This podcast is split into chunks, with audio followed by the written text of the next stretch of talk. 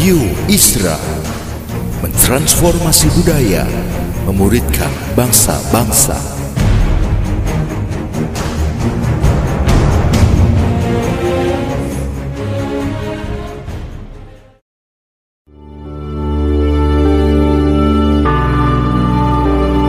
Apostolic Prophetic Messages mengungkapkan pesan dan arahan dari hati Tuhan bagi gerejanya demi menuntaskan mandat kerajaan Allah di Indonesia dan bangsa-bangsa. Selamat mendengarkan.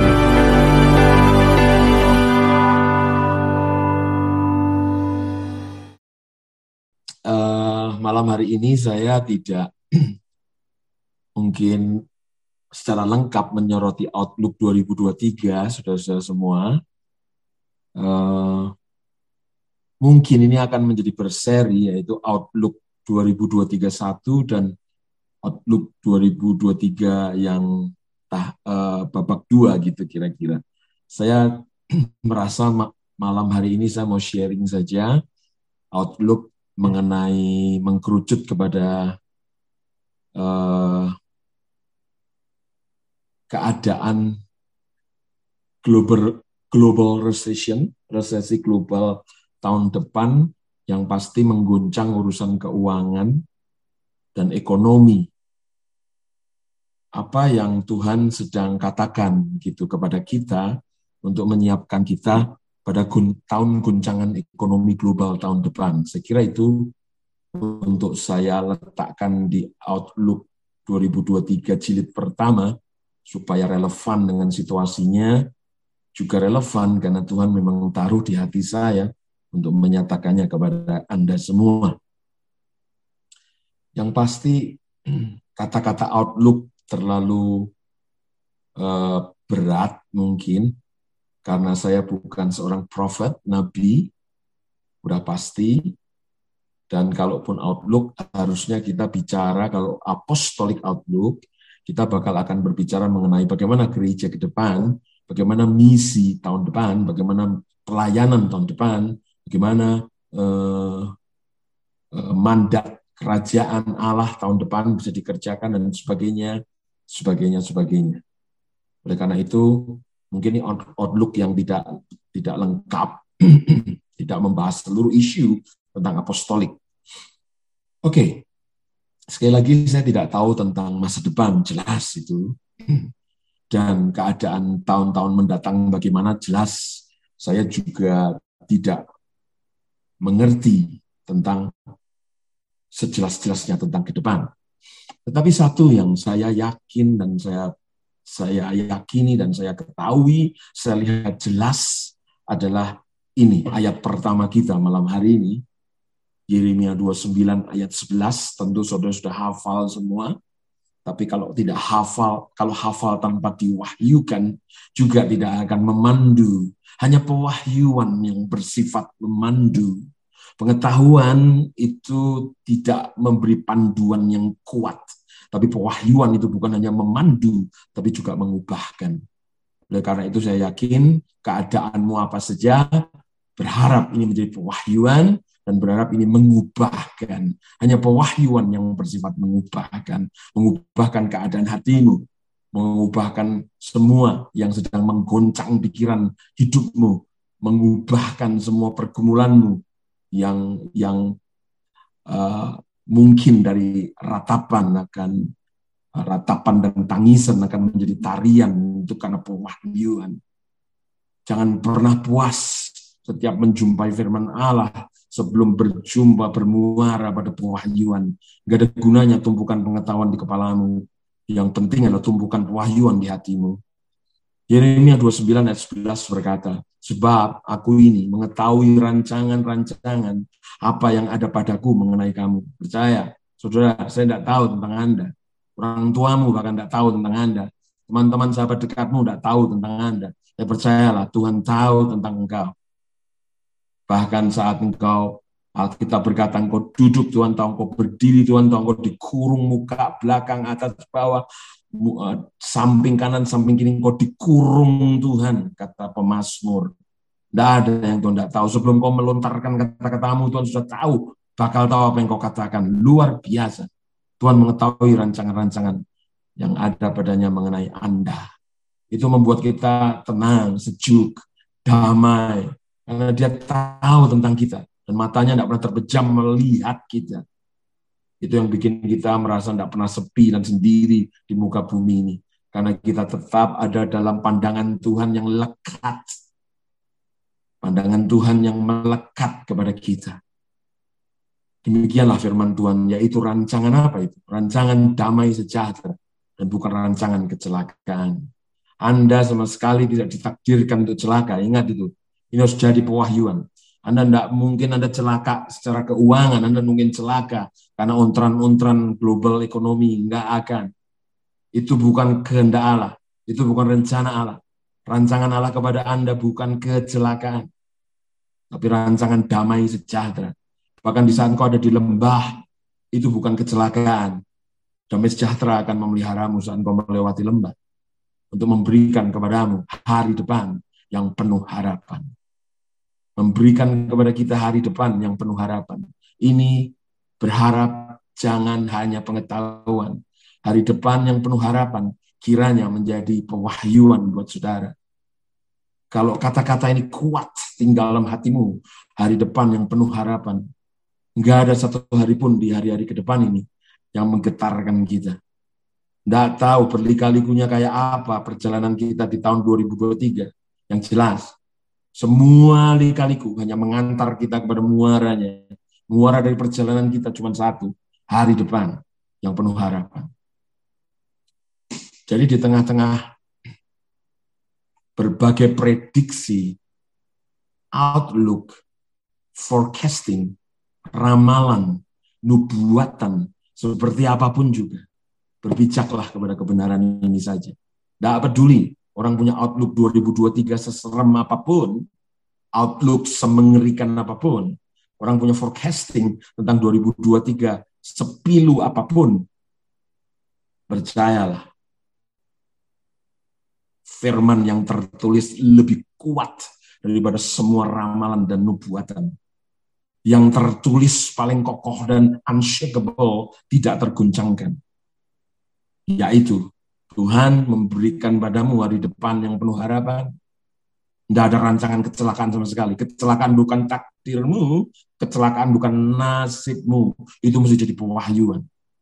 Sebaiknya Anda katakan amin saja. Sebaiknya Anda katakan amin saja. Supaya ayat satu ayat ini menjadi milikmu. Namun, memang ada prinsip ini Amos 3 ayat 7. Dalam Amos 3 ayat 7 dikatakan, Sungguh Tuhan Allah tidak berbuat sesuatu tanpa menyatakannya kepada hamba-hambanya para nabi. Ini prinsip, saudara. Tuhan tuh tidak akan berbuat sesuatu sebelum bisikin nabi-nabinya. Oleh karena itu, dengan merendahkan hati, kita perlu duduk di bawah pengurapan para nabi. Tentu, nabi yang diakui tubuh Kristus. Tentu, nabi yang mature, dewasa. Tentu, nabi yang mendapatkan konfirmasi dari komunitas kenabian. Di jagat raya ini, ada banyak komunitas kenabian nabi yang seorangan why, nabi yang lonely, nabi yang tembak sana tembak sini sendirian tidak patut sepenuhnya dipercaya karena 1 Korintus 14 Paulus pun berkata nabi satu menguji nabi yang lain. Nah, oleh karena prinsip itu bahwa Tuhan tidak berbuat sesuatu dan sebelum memberitahukan seluruh bakal tindakannya kepada nabi-nabinya, Berdasarkan prinsip itu, maka saya coba melihat beberapa minggu terakhir ini apa yang sedang Tuhan bisikkan kepada nabi-nabinya. Saya hadir di beberapa geng kenabian internasional, seperti Amerika Utara punya, seperti geng kenabian yang ada di belan beberapa belan dunia. Ada satu benang merah yang saya tangkap. Mereka memang melihat bahwa tahun 2023 itu komunitas kenabian di berbagai tempat telah melihat bahwa tahun depan adalah sebagai tahun the year of lack. Tahun kekurangan. Tapi belum selesai. Tahun depan juga merupakan the year of abundance. Tahun kelimpahan. At the same time, di waktu yang sama, Nabi-Nabi melihat tahun depan untuk beberapa orang terutama di luar bahtera yaitu Kristus atau orang-orang dunia yang tanpa pengharapan tentu the year of lack. Tapi bagi bagi kita yang terhubung sama Tuhan dalam panduannya dan pewahyuannya, maka tahun depan tidak bisa tidak akan menjadi the year of abundance, tahun kelimpahan bagi kita. Saya bukan pengajar prosperity, tapi jelas pemeliharaan Tuhan di atas masa sulit itu ada ayatnya. Saya bukan pengajar kemakmuran, tapi jelas kau tidak bisa coret ribuan ayat-ayat Alkitab yang memberitakan tentang prosper, kehidupan yang berhasil, sukses, kehidupan yang dipelihara oleh Jehovah Rohi Allah Gembala, oleh Jehovah Jireh Allah pencukup kebutuhan kita. Jelas kita mendapat di tengah-tengah suasana lack kekurangan, kita mengalami abundance. Oleh karena itu saya percaya tahun depan, di masa resesi global tahun depan, yang jelas sudah diprediksi, justru saya melihat gereja akan mengalami babak baru, kuasa pemeliharaan Tuhan. Kuasa pemeliharaan Tuhan.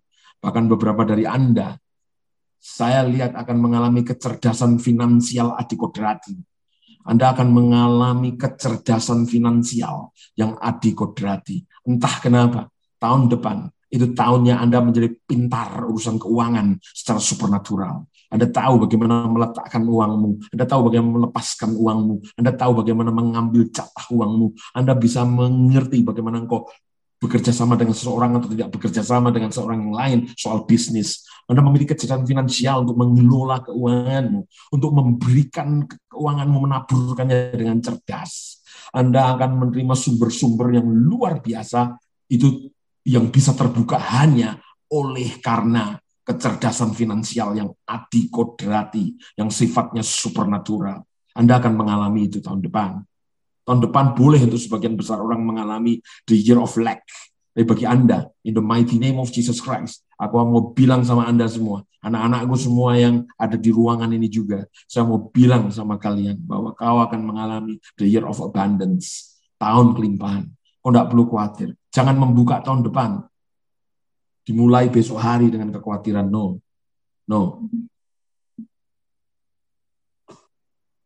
Hal yang disingkapkan hari-hari ini di semua media, di semua berita tentang berbagai indikator ekonomi menunjukkan situasi perekonomian global yang memang tidak baik-baik saja.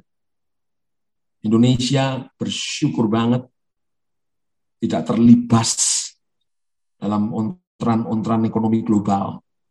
Tapi toh ada beberapa hal yang kemudian membuat kita tetap gentar tanpa Tuhan di bangsa ini.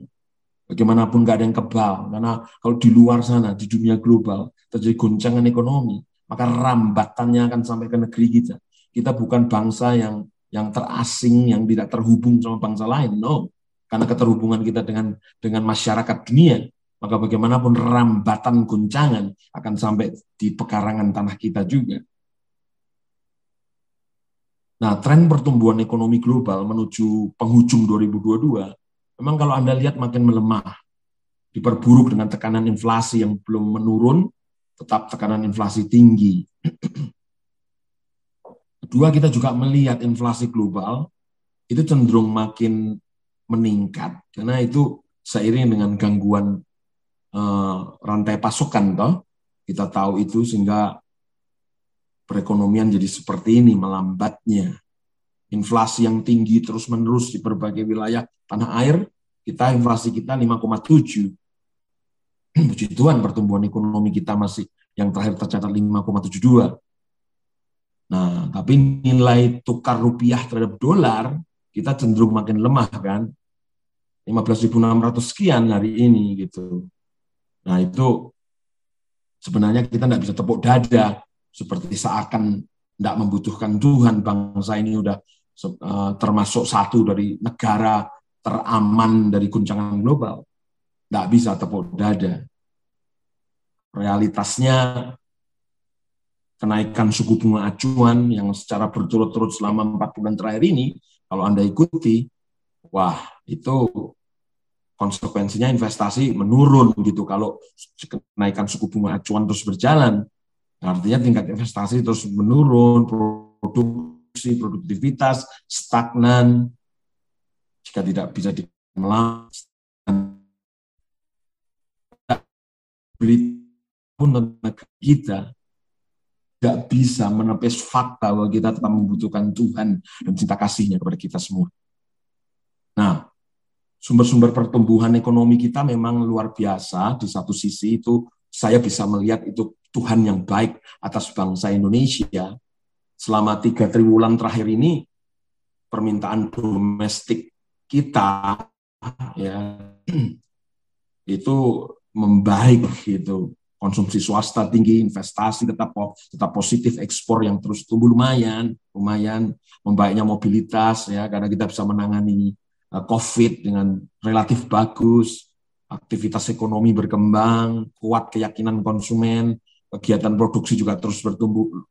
Luar biasa, luar biasa. Itu Tuhan. Saya melihat itu Tuhan. Setiap hari saya mengikuti kemajuan-kemajuan yang ada, sekaligus kerentanan-kerentanan dalam beberapa titik yang lain juga. Stimulus pemerintah untuk memberi bantuan sosial, Anda tahu kan, itu membuat daya beli masyarakat bisa dipertahankan. nah, itu uh, luar biasa. Uh, tentu tentu hal tersebut uh, satu sisi membuat kita bersyukur kepada Tuhan karena cintanya sama kita, sama bangsa kita yang sangat ada di hatinya. Tapi di sisi lain kita nggak boleh jumawa dan tepuk dada, kemudian kita menggeser Tuhan dari fokus kita. Puji Tuhan untuk Indonesia sejauh ini dan tahun depan diramal secara di atas kertas, uh, kalaupun akan ada uh, kalau ada, kalaupun ada penurunan pertumbuhan ekonomi, itu tidak akan sampai eh, kurang dari 4,9 eh, persen.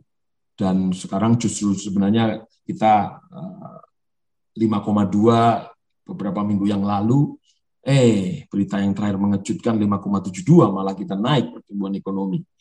Puji Tuhan itu jelas Tuhan. Nah meskipun perekonomian global bergejolak gitu ya harapan untuk kita melihat tangan Tuhan di negeri kita secara ekonomi domestik uh, kita bisa positif dan Tuhan akan terus bawa kita apa pun yang terjadi. Nah, bagaimana keadaan geopolitik uh, global 2023? Nah, itu yang membuat was-was. Yang pertama, Ukraina sama Rusia kalau terus-terusan begini ditambah dengan konflik uh, geopolitik konflik di urusan-urusan yang lain seperti China, Taiwan, seperti Korea Utara memanas dengan Jepang dan beberapa negara uh, negara Asia Timur berharap itu tidak tidak mengganggu perjalanan tahun 2023 tentu. Nah, uh, kalau seandainya konflik geopolitik tetap terjadi, nah itu yang bikin nggak baik-baik saja. Ditambah Indonesia tahun depan tahun politik panas. Jadi bagaimanapun, akhirnya kita memerlukan Tuhan. Nah, lepas dari itu semua, tahun depan saya percaya merupakan tahun pembuktian ekonomi kerajaan Allah yang tidak tergoncangkan. Karena berbagai prediksi yang saya lihat 2023 itu global memang parah tahun depan. Semua bilang puncak puncak semua ontran-ontran ini tahun depan gitu. Coba Anda ikuti deh. Memang tahun depan itu puncak. Jadi saya kira justru pada saat paling kelam maka Allah tampil paling bersinar. Meskipun perekonomian global ke depan tahun depan ini ambruk, tapi justru di saat yang sama, Tuhan seperti itu. Di saat yang sama, di saat paling kelam, justru Tuhan bersinar paling terang. Pembuktian ekonomi kerajaan Allah yang tidak terguncangkan justru akan terjadi di saat paling gelap secara ekonomi. Kita bisa saja kehilangan stabilitas keuangan pribadi. Ya, bisa saja. Tampaknya uang mempunyai cara untuk melepaskan diri dari kita. Coba lihat ayat berikut ini. Tampaknya uang mempunyai cara untuk melepaskan diri dari kita. Kita mesti lihai, kita mesti ahli untuk untuk cengkram dia menjadi hamba kita. Dia nggak boleh lari dari kita. ya.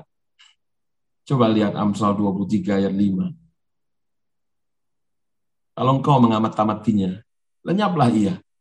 Karena ia tiba-tiba bersayap, lalu terbang ke angkasa seperti Raja Wali. Kehilangan stabilitas keuangan pribadi, bisa saja itu terjadi. Oleh karena itu saya berdoa lewat sharing malam hari ini, stabilitas keuanganmu itu berjalan secara supernatural. Ini spiritual empowerment malam ini. Jadi saya akan membahas tentu spiritual side. Tampaknya uang mempunyai cara untuk melepaskan diri dari kita, tapi kalau engkau tahu hukum-hukum Tuhan, maka mamon akan menghamba kepadamu. Tentu demi pekerjaan Bapa terselesaikan di masa paling sulit.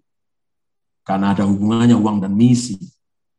Anda terlalu menghubungkan uang dengan dirimu pribadi dan tidak ada hubungannya sama misi, engkau dalam bahaya besar. Engkau tidak punya solid ground. Seberapa uang di tanganmu, tanyalah, Tuhan, untuk pekerjaanmu yang mana ini? Dengan pertanyaan-pertanyaan tercerdas seperti itu, Tuhan akan tetap pelihara kau di masa paling sulit. Karena kau mampu menghubungkan uangmu dengan pekerjaan Bapamu, uangmu dengan kepentingan-kepentingan kerajaan Allahmu. Itu itu kepandaian yang luar biasa harus kau miliki. Karena kalau enggak, ini mayat ini akan manifestasi. Uang punya cara untuk melepaskan diri dari kita. Kau mengamat, mengamat amatinya, lenyaplah ia. Karena ia tiba-tiba bersayap. Oh, bagi orang yang tidak tahu prinsip keuangan yang merdeka, uang seperti punya sayap. Sekali mencelok, kemudian terbang, hilang, meninggalkan kita. Sekali hinggap di bahu kita, lima menit dia pergi, mengangkasa. Jadi dari dulu kita sudah tahu bahwa uang itu bersayap. Tapi belakangan ini, di tengah-tengah kerentanan ekonomi global, kita bisa tahu bukan hanya uang punya sayap, tapi kita mulai bisa memahami, memahami rentang sayapnya. Benar-benar dia lenyap dengan kecepatan yang luar biasa. Rentang sayapnya itu. Jaminan keuangan kita bisa lenyap dalam sekejap Kejadian-kejadian yang sekarang ini terjadi merupakan pertanda buruk masa depan ekonomi yang suram bagi dunia. Saya suka belajar sekali hari-hari ini tentang bagaimana tren ekonomi global. Saya perhatikan berbagai sumber, saya baca semua buku, saya ikuti semua channel informasi yang penting. Tapi benar, akhirnya saya menyimpulkan masa depan ekonomi dunia itu suram, luar biasa. Saya bukan ekonom, tetapi dengan membaca dan belajar tekun saja, Anda bisa merasakan getar-getar kesuraman dunia di waktu-waktu yang akan datang. Mungkin bahkan karena Anda tidak tahu prinsip hidup yang berkemenangan, hari ini Anda terkena kesuraman itu. Banyak di antara kita sudah kerasa sengatnya. Di tahun ini bahkan, sudah kena sengatnya. Kalau Anda pernah berdiri, tidak berdaya, berdiri dengan tidak berdaya hari ini, karena menyaksikan tabunganmu, investasimu menciut, sampai-sampai kau harus memangkas rencana-rencana hari esokmu, engkau tidak sendirian. Banyak orang-orang yang tidak mengerti prinsip masuk dalam situasi itu. Jutaan orang sedang menderita kerugian dalam pendapatan investasi baru-baru ini. Bayangkan, semua orang berharap kripto seperti Messiah, Mesias. Currency, cryptocurrency seperti juru selamat. No, kita melihat goncang sekarang. FTX, bankrupt. Orang sekarang bingung semua. Bayangkan, Bitcoin bisa hanya 16 ribu dolar saja. Bagaimana reboundnya? Kembali ke nilai yang sebelumnya. Aduh, diprediksi harus turun dulu sampai 10 ribu. Hancur lebur koin. Bahkan beberapa orang mulai mempertanyakan adakah masa depan coin currency. Itu hal, hal yang luar sekarang orang pada cerita soal mereka mereka punya harapan besar atas kripto. Mana ada di dunia ini yang menjadi sumber pengharapan. Banyak orang yang menderita bahkan hari-hari karena kehilangan sebagian kekayaannya, karena berusaha menolong anak-anak, keluarga, teman-teman di masa-masa susah seperti ini.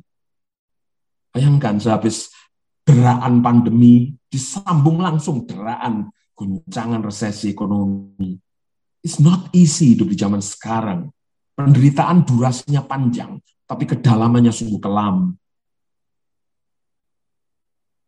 Saya akan mencoba berbicara kepada Anda malam hari ini tentang apa yang harus Anda lakukan untuk mempersiapkan diri dan entah menghindarkan atau meredakan tekanan terhadap keuangan Anda sendiri. Nah, sekarang kita sedang menyaksikan bayang-bayang yang mengancam, bayang-bayang mengancam yang sedang dipicu oleh kejadian-kejadian dunia ini yang yang yang sebenarnya sudah diramal Alkitab. Kita tidak bisa terhindar dari hidup di bawah bayang-bayang itu. Bersama tetangga-tetangga kita yang di luar Kristus, kita mengalami masa-masa bayang-bayang yang mengancam itu, yang dipicu oleh kejadian-kejadian di dunia ini, kejadian-kejadian pengundang bencana. Yang sudah diramal Alkitab. Gempa bumi sudah ada hitungannya sekarang di berbagai tempat. Bayangkan, barusan tetangga sebelah kita, ya kan? Cianjur. Betapa mengerikannya gempa seperti itu. Di susul Papua, di wah, itu diramal Alkitab semua bahwa kejadian alam, kejadian politik, kejadian perang bangsa-bangsa, semua menambah rumitnya kerusakan ekonomi dan finansial global. Itu semua kejadian saling bertumpuk, saling bertaut satu sama lain, menghancurkan dunia ini. Dan Anda ada di dunia yang sama dengan para pendosa. Anda tidak tidak bisa lolos dari situasi itu. Hanya orang-orang yang tinggal dalam hadirat Allah dan kebenaran Allah yang bisa diselamatkan. Kita mungkin mengalami kesulitan-kesulitan karena goncangan ekonomi dan politik global. Tapi kita tahu kita berada di tangan Allah. Itu satu-satunya harapan. Bukan saja kita bisa mempercayakan kesejahteraan masa depan kita kepadanya. Dia juga memberi kita prinsip-prinsip keuangan yang mantap. Bukan saja kita kita mempercayai dia memberi kita masa depan, saudara. Dan kita bisa mempercayakan kesejahteraan masa depan kita kepadanya. Bukan itu saja. Tapi menuju masa depan kita. Saat menuju berjalan di masa depan kepada masa depan kita, dia juga sepanjang perjalanan memberi kita prinsip-prinsip keuangan yang mantap yang dapat mengatur kehidupan ekonomi kita dengan cara yang dapat menstabilkan keuangan pribadi serta menopang Anda di masa-masa sulit. Jadi, terlepas dari Harmagedon ekonomi global yang akan datang, terlepas dari Harmagedon ekonomi global yang akan datang, kita tidak perlu putus asa, saudara-saudara. Kita punya alasan yang baik untuk berharap. Percayalah. Empowerment malam hari ini ada untuk memicu harapan di hatimu, untuk memberikan pikiran terang di kepalamu. Masih ada hari esok, 2023, orang forecasting apa pun, orang prediksi apa pun, orang bernubuat apa pun, percayalah ada masa depan yang penuh harapan buatmu. Sekarang tinggal kau punya kecerdasan secara spiritual untuk mengelola mengelola hikmat di hati dan di kepala kita. Saya bukan bermaksud lancang malam hari ini untuk menawarkan nasihat keuangan yang spesifik. Saya bukan jagoan keuangan. Saya hanya mau sharing ke Anda prinsip-prinsip Alkitab yang mantap, yang sudah terbukti, dapat dikerjakan, mampu menopang Anda melalui bayang-bayang ekonomi yang akan datang, utamanya 2023, yang jelas menjadi puncak guncangan ekonomi global tahun depan, yang akan bakal merayap ke seluruh dunia situasi itu, merambat di pekarangan rumah kita. Oke, saya akan mulai dengan pendekatan Alkitabiah terhadap uang. Harus dari situ. Kalau perspektif Anda enggak perspektifnya Tuhan, bagaimana Anda punya berkatnya Tuhan? Kalau Anda mau berkatnya Tuhan, masa depannya Tuhan, kemurahannya Tuhan, sokongannya Tuhan, Anda harus punya perspektif Tuhan. Mana mungkin perspektif Anda bukan Tuhan. Terus Anda mengalami mengalami segala hal baik dari Tuhan. Kalau perspektif Anda setan, nggak mungkin. Perspektif kita mamon kok. Mau berkatnya Tuhan, nggak bisa. Kalau perspektifnya mamon, mamon ya mamon menuntun hanya kepada satu saja. Satu Timotius pasal 6. Kebinasaan, keruntuhan, kehancuran. Ya kan? Itu kan di, dikatakan sama Paulus. Kalau kamu cinta uang, jelas. Ujungnya jelas. Paulus bilang. 1 Timotius pasal 6. Ayat 6 sampai 10 ujungnya kehancuran, kebinasaan, keruntuhan. Itu jelas. Kalau Anda mau mau mau the everlasting berkat yang lebih kekal, jelas perspektifnya Tuhan. Cuma ada dua perspektif itu. Sesungguhnya Alkitab menunjukkan perspektif Allah tentang kekayaan dan uang. Itu kebalikan sama perspektif sebagian besar orang tentang kekayaan dan uang. Ini dia perspektif yang pertama mesti diletakkan di kepala kita. Tuhan tidak terlalu mementingkan kita membangun kekayaan besar di bumi ini, di sini. Tuhan tidak terlalu mementingkan itu. Tapi dia mementingkan kita membangun landasan yang kokoh bagi masa depan kekekalan kita. Hari esok kita di kekekalan itu bagi Tuhan lebih penting. Bahkan Tuhan memakai kekayaan fisik hari ini, material hari ini, itu untuk untuk latihan kita menerima landasan kokoh harta kita di kekekalan. Uang logam dan uang kertas kita hari ini, harta kita fisik seperti itu, itu dipakai Tuhan bahkan mendidik kita untuk menyiapkan diri menerima harta yang bersifat lebih kekal. Jadi Tuhan tidak terlalu dia tidak terlalu mementingkan kita bangun kekayaan besar di bumi di sini. Tapi dia sangat yang dia pentingkan membangun landasan yang kokoh bagi masa depan kekekalan kita. Ini bukan tentang sesuatu yang baru. Sebenarnya kita sudah mendengar ini seumur hidup kita dari mimbar, bukan?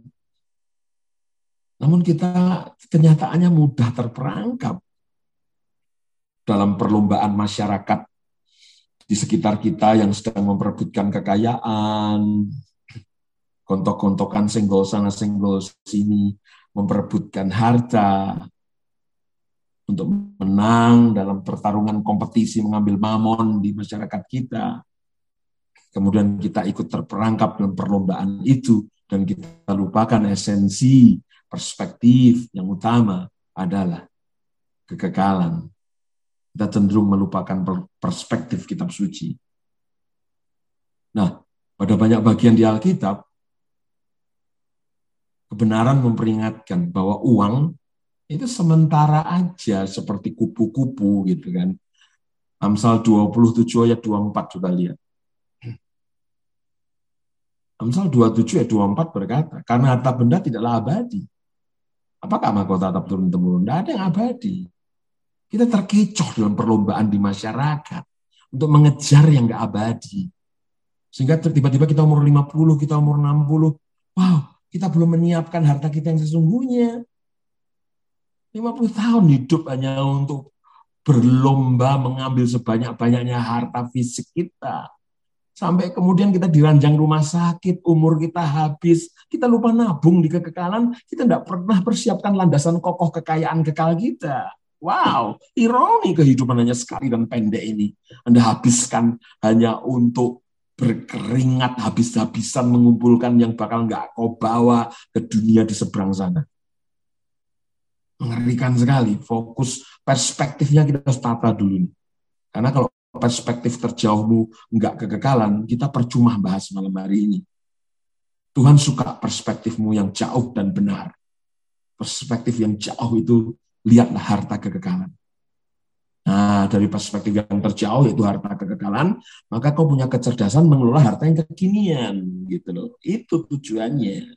Kalau kau tahu ujung jauhnya, ujung terjauhnya, itu harta kekekalan. Maka kau diberi kecerdasan mengelola harta kekinian. Gitu. Sebaliknya kau bodoh untuk menyiapkan harta kekinian, tetapi kau tidak terhubung sama visi kekekalan. Pasti kau banyak tertipu di sini, kau memasuki perlombaan yang bodoh selama di sini, kau habiskan waktu umur hidup yang pendek di sini hanya untuk mengambil apa yang pada akhirnya kesia-siaan. Melalui nabinya Hagai, Tuhan memberitahu Israel saat Israel merosot kerohaniannya. Ingat saat merosot kerohaniannya. Saya harus katakan kepada Anda, yang penting itu kerohanian, jangan merosot. Karena kerohanianmu itu kekekalanmu. Begitu kerohanian merosot, ampun, apa saja bisa terjadi dalam hidupmu. Coba lihat Hagai 1 ayat 6. Ini situasinya pada saat kerohanian Israel saat merosot. Apa yang terjadi saat mereka merosot secara spiritual, kekekalan di hati mereka. Mereka tidak lihat itu lagi. Hagai 1 ayat 6. Kamu menabur banyak, tapi membawa pulang hasil sedikit. Kamu makan, tapi tidak sampai kenyang. Kamu minum, tapi tidak sampai puas. Kamu berpakaian, tapi badanmu tidak sampai panas. Dan orang yang bekerja untuk upah, yang bekerja untuk upah, lihat ini. Yang ditaruh dalam pundi-pundi yang berlubang. Ini dia. Bahaya sekali. Ada hubungannya. Kekayaan kita sama spiritualitas kita. Pada saat perspektifmu kepada pundi-pundi, dan bukan kepada spiritualitasmu. Itu pundi-pundi bisa berlubang itu. Ini ayatnya dikatakan pada saat Israel pada kesaat kerohaniannya merosot. Langsung pundi-pundi berlubang. Hati-hati kalau kerohanianmu merosot. Pundi-pundi berlubang. Bukan Tuhan jahat. Tapi kalau kalau engkau kalau kerohanianmu nggak baik-baik saja terhubung sama Tuhan dan isu-isu kekekalan, terus Tuhan melimpahimu dengan harta sekaya raja-raja, bisa hancur hidupmu. Uang itu bisa membunuhmu kalau berlebihan karena engkau tidak siap. Perspektifmu nggak kuat, kerohanianmu nggak kuat. Bagaimana Tuhan bisa berkati kamu kuat-kuat? Hancur hidup kita. Mental nggak siap, karakter nggak siap, pikiran nggak siap kok dikasih harta. Ya, jadilah lupa Tuhan. jadilah mabok selama kita jalankan hidup kita. Paulus memperingatkan kita untuk tidak mempercayai kekayaan yang tidak pasti. 1 Timotius 6 ayat 17, coba lihat. Malam ini kita akan banyak buka ayat-ayat karena hanya firman Allah yang bisa menguatkan. Kata-kata Cornelius Wing tidak pernah cukup menguatkan. Hanya kata-kata firman Allah. Kita akan banyak buka firman Allah bekal tahun depan. Outlook 2023 tentu harus berdasar kepada pandangan, perspektif the Bible. Peringatkanlah kepada orang-orang kaya di dunia ini agar mereka jangan tinggi hati. Dan jangan aduh tahun enggak tahun depan 2023 dengar baik-baik. Semua yang ikut yang ikut sumi dengar. Semua kalian yang masuk 1 Januari tahun depan enggak merendahkan hati dan tinggi hati pundi-pundimu berlubang tahun depan. Percaya saya. Percaya saya. Orang-orang sombong tahun depan, ada orang-orang paling menderita di kontran-kontran guncangan ekonomi global tahun depan. Semakin tinggi hati tahun depan, semakin merasa tahu cara bertindak, semakin merasa tahu bikin apa, justru makin tekor bundi-bundi makin lubangnya membesar. Peringatkanlah kepada orang-orang kaya di dunia ini agar mereka jangan tinggi hati. Dan jangan berharap pada sesuatu yang tak tentu seperti kekayaan. No. Tidak tentu kekayaan itu. Istimewanya kekayaan fisik, nggak tentu. Kenapa kita berharap kepada itu? Umurmu panjang bukan karena jumlah rupiah di tanganmu. Tuhan memegang usiamu. Jangan berharap pada sesuatu yang tak tentu seperti kekayaan, melainkan pada Allah. Lihat, yang dalam kekayaannya. Loh, kenapa ya kenapa kenapa berharap kepada kekayaan.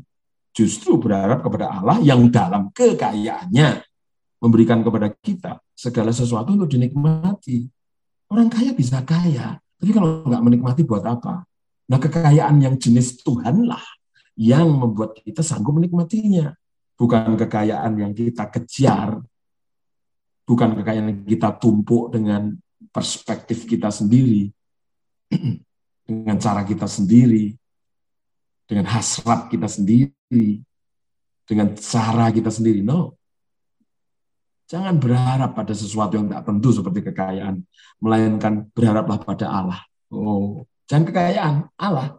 Begitu harapanmu pindah dari kekayaan kepada Allah, maka dalam kekayaannya Allah memberikan kepada kita segala sesuatu untuk dinikmati. Wow, hanya memindahkan perspektif dari kekayaan kepada Allah, dari kekayaan kepada kekekalan. Udah, pindah itu aja. Uh, jaminannya kau diberikan kekayaan oleh Tuhan yang sesungguhnya memberikan kepada kita segala sesuatu untuk dinikmati. Inilah efek dari perspektif yang tepat itu kayak gini nih. Bergeser dari pada kekayaan jadi bergeser kepada Allah. Begitu bergeser dari kekayaan kepada Allah, maka kekayaan Allah memberikan segala sesuatu kepada kita untuk dinikmati. Uh, semua orang cari bagaimana menikmati. Dan mereka mengejar apa yang bisa dinikmati. Dan mereka nggak dapat itu.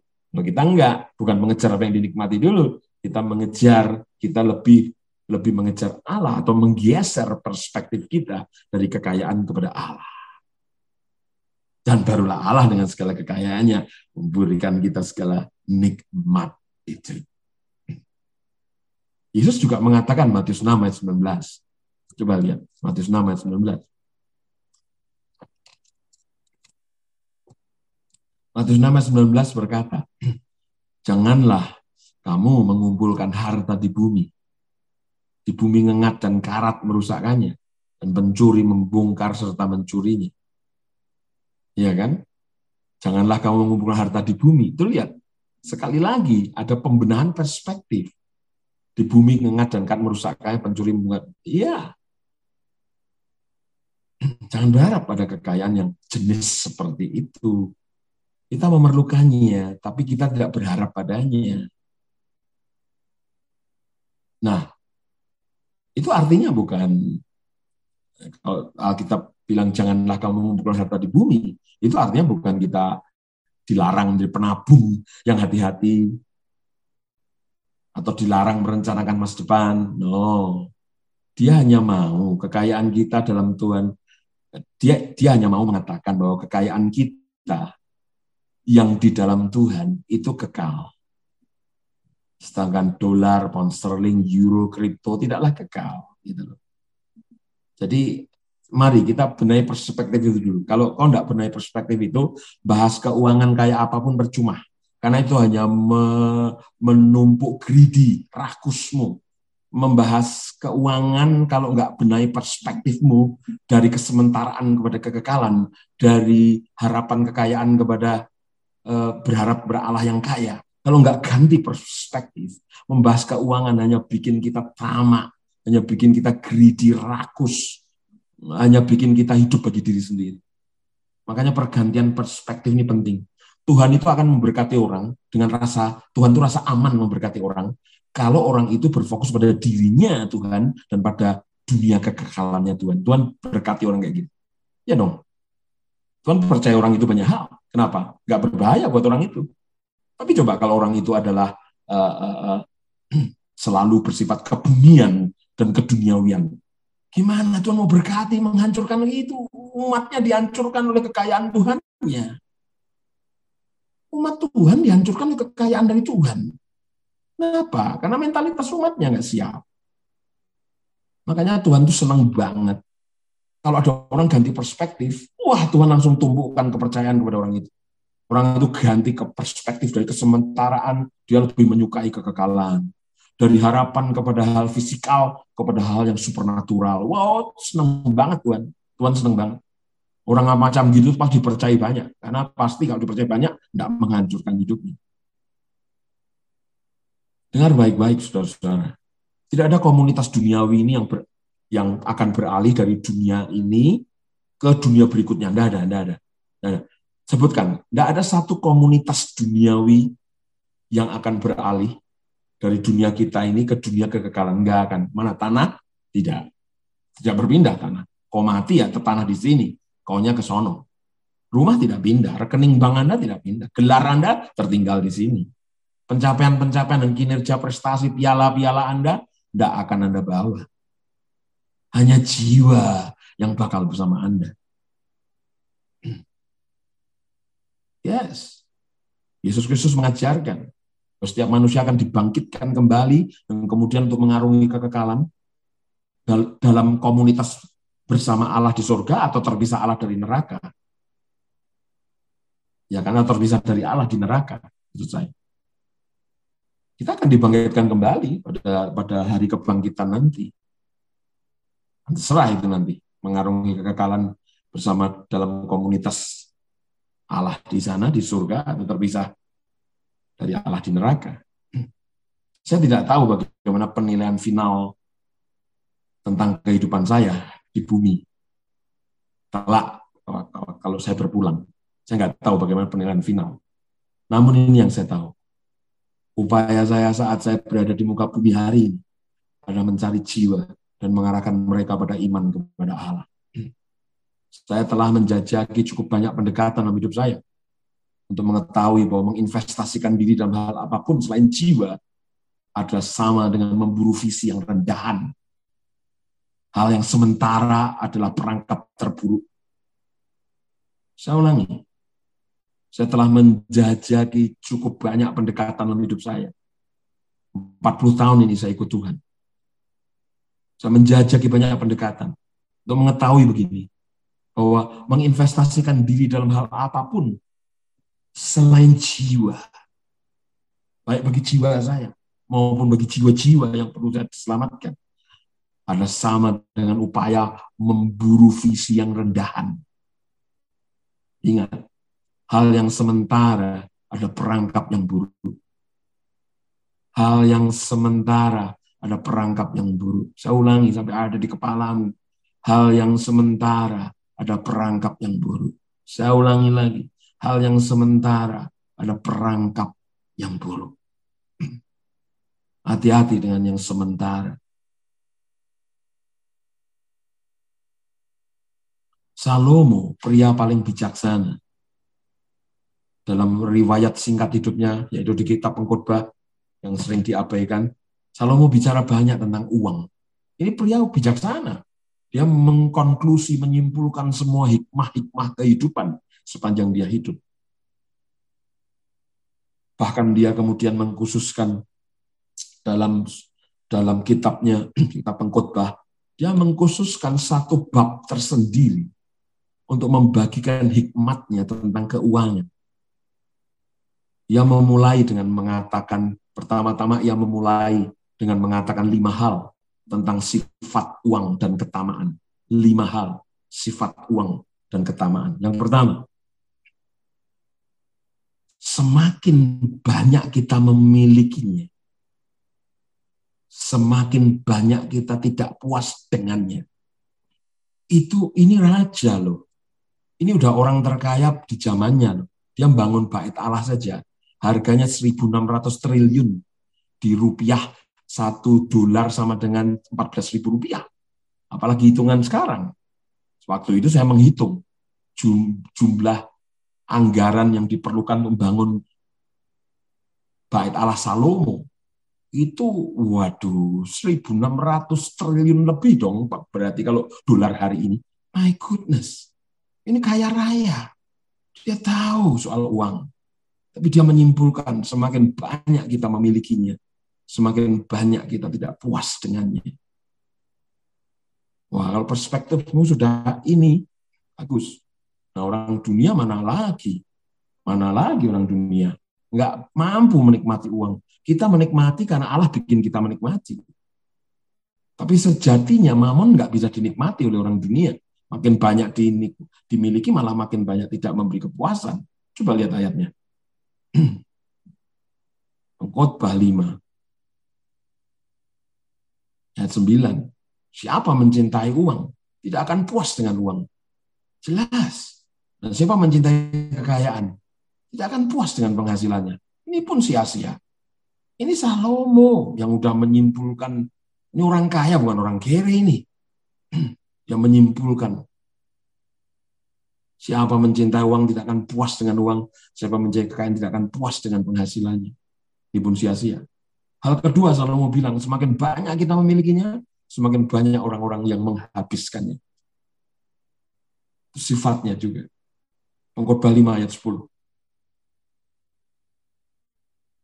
Pengkhotbah 5 ayat 10 dengan bertambahnya harta. Dengan bertambahnya harta, bertambah pula orang-orang yang menghabiskannya.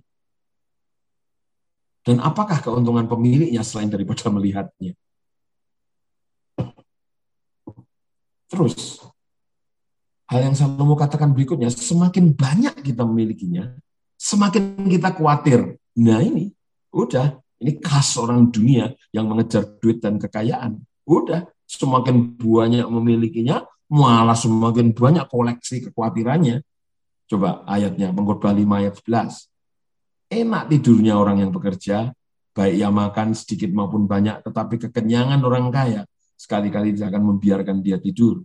Tuh. Kekenyangan orang kaya sekali-kali tidak akan membiarkan dia tidur. Aduh, bagi orang nasihat bagi orang dunia mau tidur jangan kaya. Kira-kira gitu. Kekenyangan orang kaya sekali-kali tidak akan membiarkan dia tidur. Sekali lagi ini cerita-cerita orang yang sangat dirasuk Romamon ini bukan kriteria, uh, bukan apa yang bisa terjadi pada anak Tuhan tentunya. Tapi sifat uang memang begitu kalau lepas dari Tuhan. Kalau lepas dari Allah, ini sifat uang. Ini wajah aslinya uang itu kayak gini nih. Wajah aslinya kekayaan itu kayak gini. Yang berikutnya, Salomo bilang, semakin banyak kita memiliki, semakin banyak kita kehilangan. Aneh kan? Semakin banyak memiliki, semakin banyak kehilangan. Makanya hati-hati melepaskan melepaskan kekayaan dan uang dari Allah. Wah, Mamun akan menunjukkan karakternya dan kuasanya kayak gini. Semakin banyak memiliki, malah semakin banyak hilang. Mengkhotbah 5 ayat 11, eh, ayat 12 13. Ada kemalangan yang menyedihkan kuliah di bawah matahari. Kekayaan yang disimpan oleh pemiliknya menjadi kecelakaannya sendiri. Walah, walah. Ya ampun, kekayaan yang disimpan kemudian menjadi kecelakaannya sendiri. Ngeri ya. Orang dunia itu ngeri banget, tertipu dalam kesementaraan. Kesementaraan perangkap besar. Mereka cari, mereka kejar, mereka kumpulkan, mereka tumpuk itu, dan itu mencelakai mereka. My goodness. Maka jangan sekali-sekali pisahkan isu uang dan kekayaan dari Allahmu. Jangan pisahkan isu antara uang dan kekayaan dengan Tuhanmu, dengan perspektif kekekalan. Bahaya. Karena kalau dipisahkan dari Tuhan, maka kuasa mamon bekerja dengan kuat. Menunjukkan wajah aslinya yang garang seperti ini. 14 dan kekayaan itu binasa oleh kemalangan sehingga tidak ada satupun padanya untuk anaknya. Kehilangan semua. Yang terakhir Salomo bilang begini nih, ada lima hal yang dia katakan tentang sifat uang, sifat asli uang, wajah mamon yang asli. Dia juga bilang soal pesan soal ketamaan yang kelima. Sifat uang yang asli, semakin banyak kita memiliki, semakin banyak yang kita tinggalkan. Pengkhotbah 5 yang 14-15. Sebagaimana ia keluar dari kandungan ibunya, demikian juga ia akan pergi telanjang, seperti ketika ia datang dan tak dipenuhinya dengan jeripayanya suatu pun yang dapat dibawa dalam tangannya. Tidak ada. Semakin banyak dimiliki ya jelas, semakin wong kita nggak bakal bersama-sama semua yang kita miliki. Semakin banyak kita memiliki, semakin banyak kita tinggalkan. Ini pun kemalangan yang menyedihkan. Sebagaimana ia datang, demikian pun ia akan pergi. Dan apakah keuntungan orang tadi yang telah berlelah-lelah jaring angin?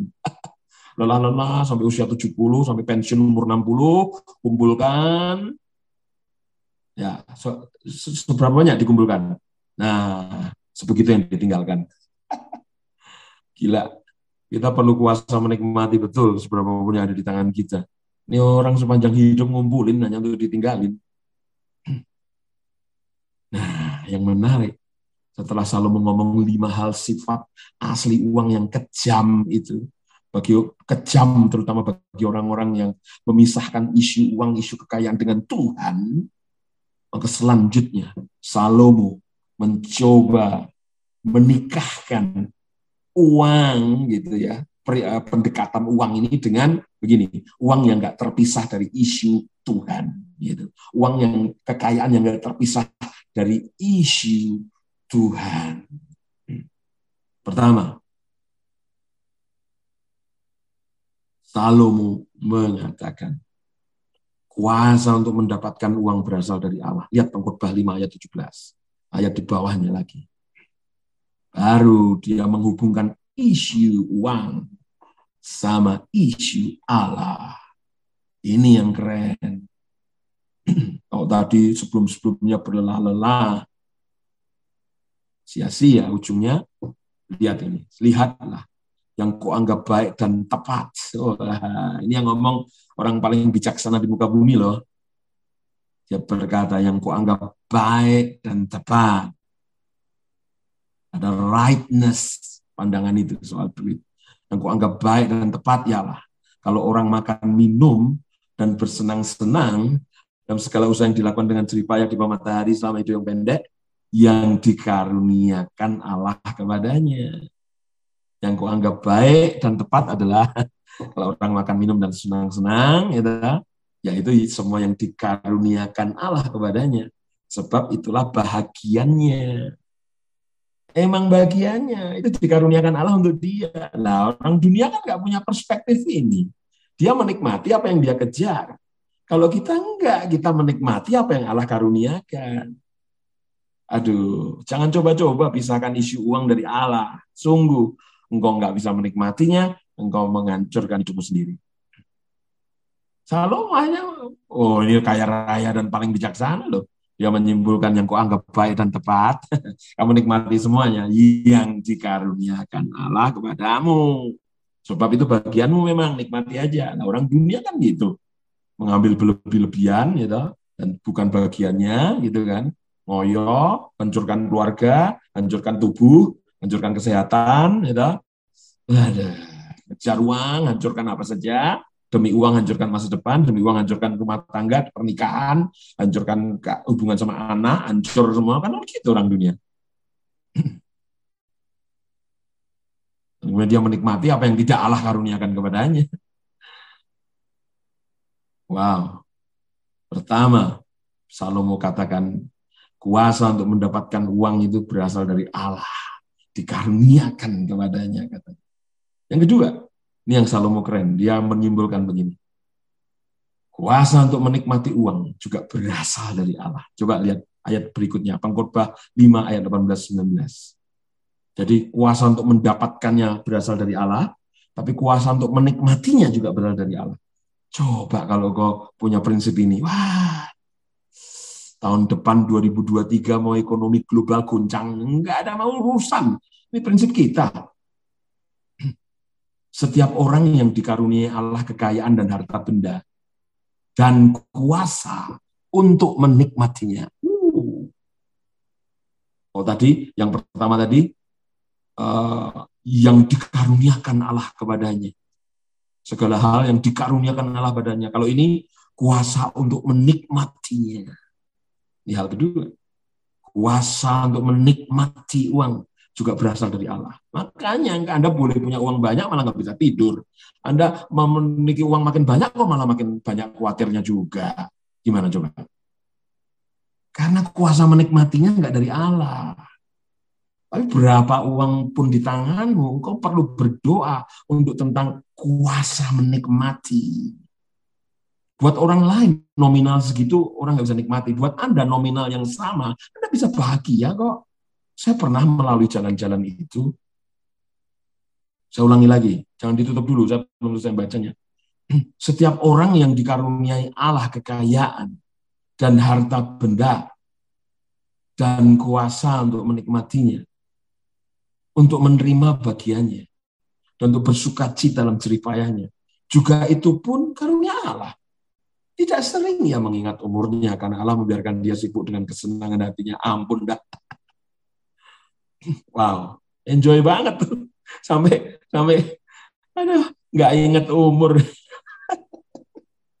sampai nggak inget umur. Aduh, enjoy banget kan. Aduh, ayo enjoy, enjoy gitu kan. Makanya nggak bisa sombong. Kuasa mendapatkan uang dari Allah, Menikmati uang juga dari Allah, kuasa menikmatinya.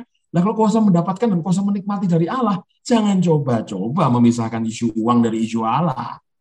Selesai hidup Anda. Nah itu perspektif ini perlu diletakkan di awal.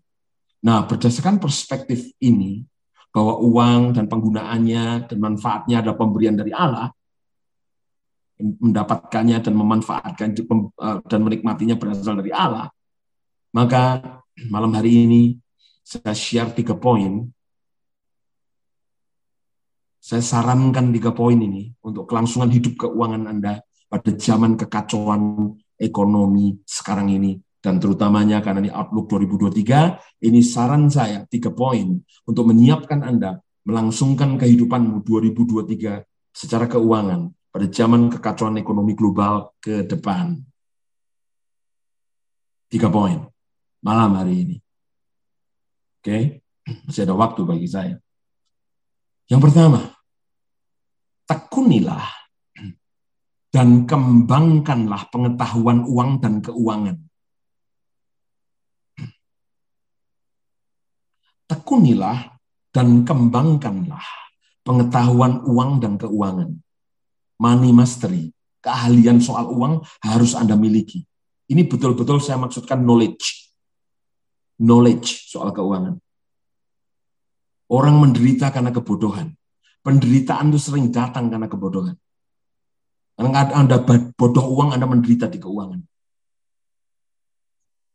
Tekunilah dan kembangkanlah pengetahuan uang dan keuangan atau disebut money mastery, keahlian soal uang harus naik dalam dirimu. Jangan masa bodoh sama keuangan. Nanti Anda benar-benar bodoh dalam kehidupan. Oke, ada banyak orang bertindak dalam hal keuangan, tapi mereka tidak tahu apa-apa tentang keuangan itu sebenarnya. Ya hanya hanya hanya mengambil, melepas, mengambil, melepas. tidak tahu apa-apa sebenarnya tentang semua yang ada di tangannya. Mereka tidak tahu bagaimana harus bertindak. Sementara mereka mungkin tidak sengaja, eh kadang-kadang melakukan hal yang benar sih, tapi nggak sengaja. itu benar tapi nggak sengaja gitu, nggak dalam pengetahuan yang kuat. Itu nggak sengaja aja. Namun mereka, walaupun kadang-kadang mereka benar, tapi mereka menjalani setiap momen di hidup mereka itu dalam bahaya terkena pukulan dalam kehidupan finansial. Bahaya mengancam terus hari-hari. Dan itu membuat mereka bisa terjebak dan kemudian menderita mungkin seumur hidup gitu Karena nggak nggak tahu, nggak nggak ada knowledge keuangan gitu loh. Nggak tahu apa itu investasi. Bahkan hal yang sederhana tentang tentang misalnya Eh, bagaimana sih hidup di kuadran satu employee, self employee, eh, business owner sama investasi, nggak ngerti apa-apa tentang investasi, nggak ngerti apa-apa juga bagaimana uang dikelola dan sebagainya, nggak ngerti karena karena itu uh, ya uang biasa dalam mampir di tangan dan di kantong mereka. Jadi mereka nggak tahu apa-apa tentang uang. Akhirnya mereka tuh menempatkan diri mereka ada jalan ada pada jalan-jalan yang berbahaya. Sepanjang mereka hidup tuh rentan terkena pukulan finansial dan bahkan suatu ketika terpelecok lu nggak tahu kalau ini ternyata justru mengakibatkan hutang yang menumpuk, yang mengunci hidup mereka, nggak bisa ngapa-ngapain sampai seumur hidup mereka, bahkan orang sampai diranjang rumah sakit, masih tertimbun utang yang membuat mereka menderita dalam hati sepanjang mereka hidup. Wow. Itu karena mereka nggak punya knowledge, nggak punya money mastery. Hmm. Mungkin Anda pernah mendengar orang mengatakan, saya bahkan saya, saya bahkan tidak lagi mendengarkan berita kok semuanya hanya membuat saya depresi. Maka saya abaikan aja, nggak peduli berita-berita. Dah, pokoknya saya kerja, pokoknya saya ya sudah apa adanya. Atau ada orang yang bilang begini, untuk apa berusaha mengikuti perkembangan kekacauan ini? Toh tidak ada yang dapat saya perbuat. Semua udah kacau ini. Jadi ya abaikan aja lah, lanjutkan hidup saya apa adanya begini. Sikap-sikap seperti ini, saudara-saudara, itu kesalahan besar dan menunjukkan pendekatan yang tidak bertanggung jawab terhadap manajemen keuangan yang pada gilirannya dapat mengakibatkan bencana loh. Kita ini menikmati zona nyaman kita. Dan banyak yang telah meyakinkan dirinya, diri kita, sampai percaya bahwa kehidupan akan terus nyaman sampai akhir. Enggak. Kita tidak pernah tergerak oleh apa pun kecuali zona nyaman kita diserbu. Nah, tahun depan zona nyaman bakal diserbu. Kalau Anda tidak memiliki pemahaman dan pengetahuan tentang situasi zaman, segala pengetahuan yang mengiringinya, zona nyaman Anda akan benar-benar kandas tak tersisa tahun depan. Anda mesti membekali diri dengan pemahaman, pengetahuan, belajar terus. Belajar terus. Namun lihat tahun-tahun belakangan ini, ketidaknyamanan tingkatnya tiba-tiba melambung tinggi. Maka sekarang semakin orang-orang ya ngikut arus aja dah gitu. Mereka tidak menempa dan mempersenjatai diri dengan berbagai pengetahuan dan hikmat mengenai uang dan kekayaan. Sulit sekali mencocokkan sikap-sikap seperti itu, sikap abai seperti itu, sulit sekali dicocokkan dengan kebenaran di Alkitab. Nah, Alkitab nggak mendukung sikap-sikap seperti itu. Justru Alkitab mengatakan Roma 13 ayat 11 misalnya. Itu itu kan soal akhir zaman nih ayat-ayat ini dituliskan. Saat kekacauan besar terjadi, itu malah Roma 13 ayat 11. Saatnya telah tiba bagi kamu untuk bangun dari tidur Jangan abai dan masa bodoh. Bangun. Ini waktunya.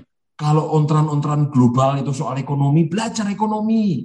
Kalau keruntuhan dunia soal finansial, keuangan global, belajar keuangan.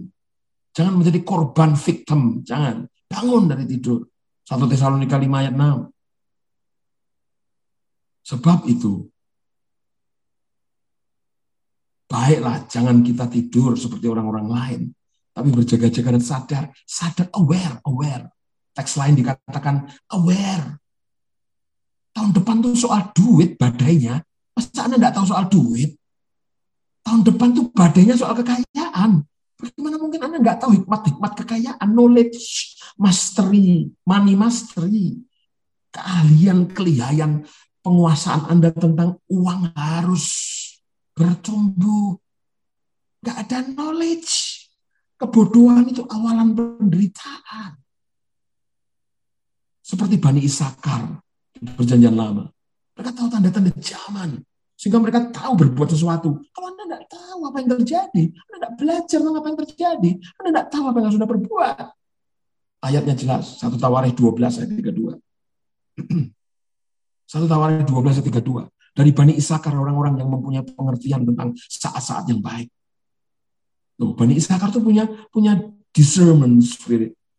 Bani Isakar itu punya punya apa? Punya roh yang memahami tentang saat-saat yang baik. Itu disebut roh Isakar.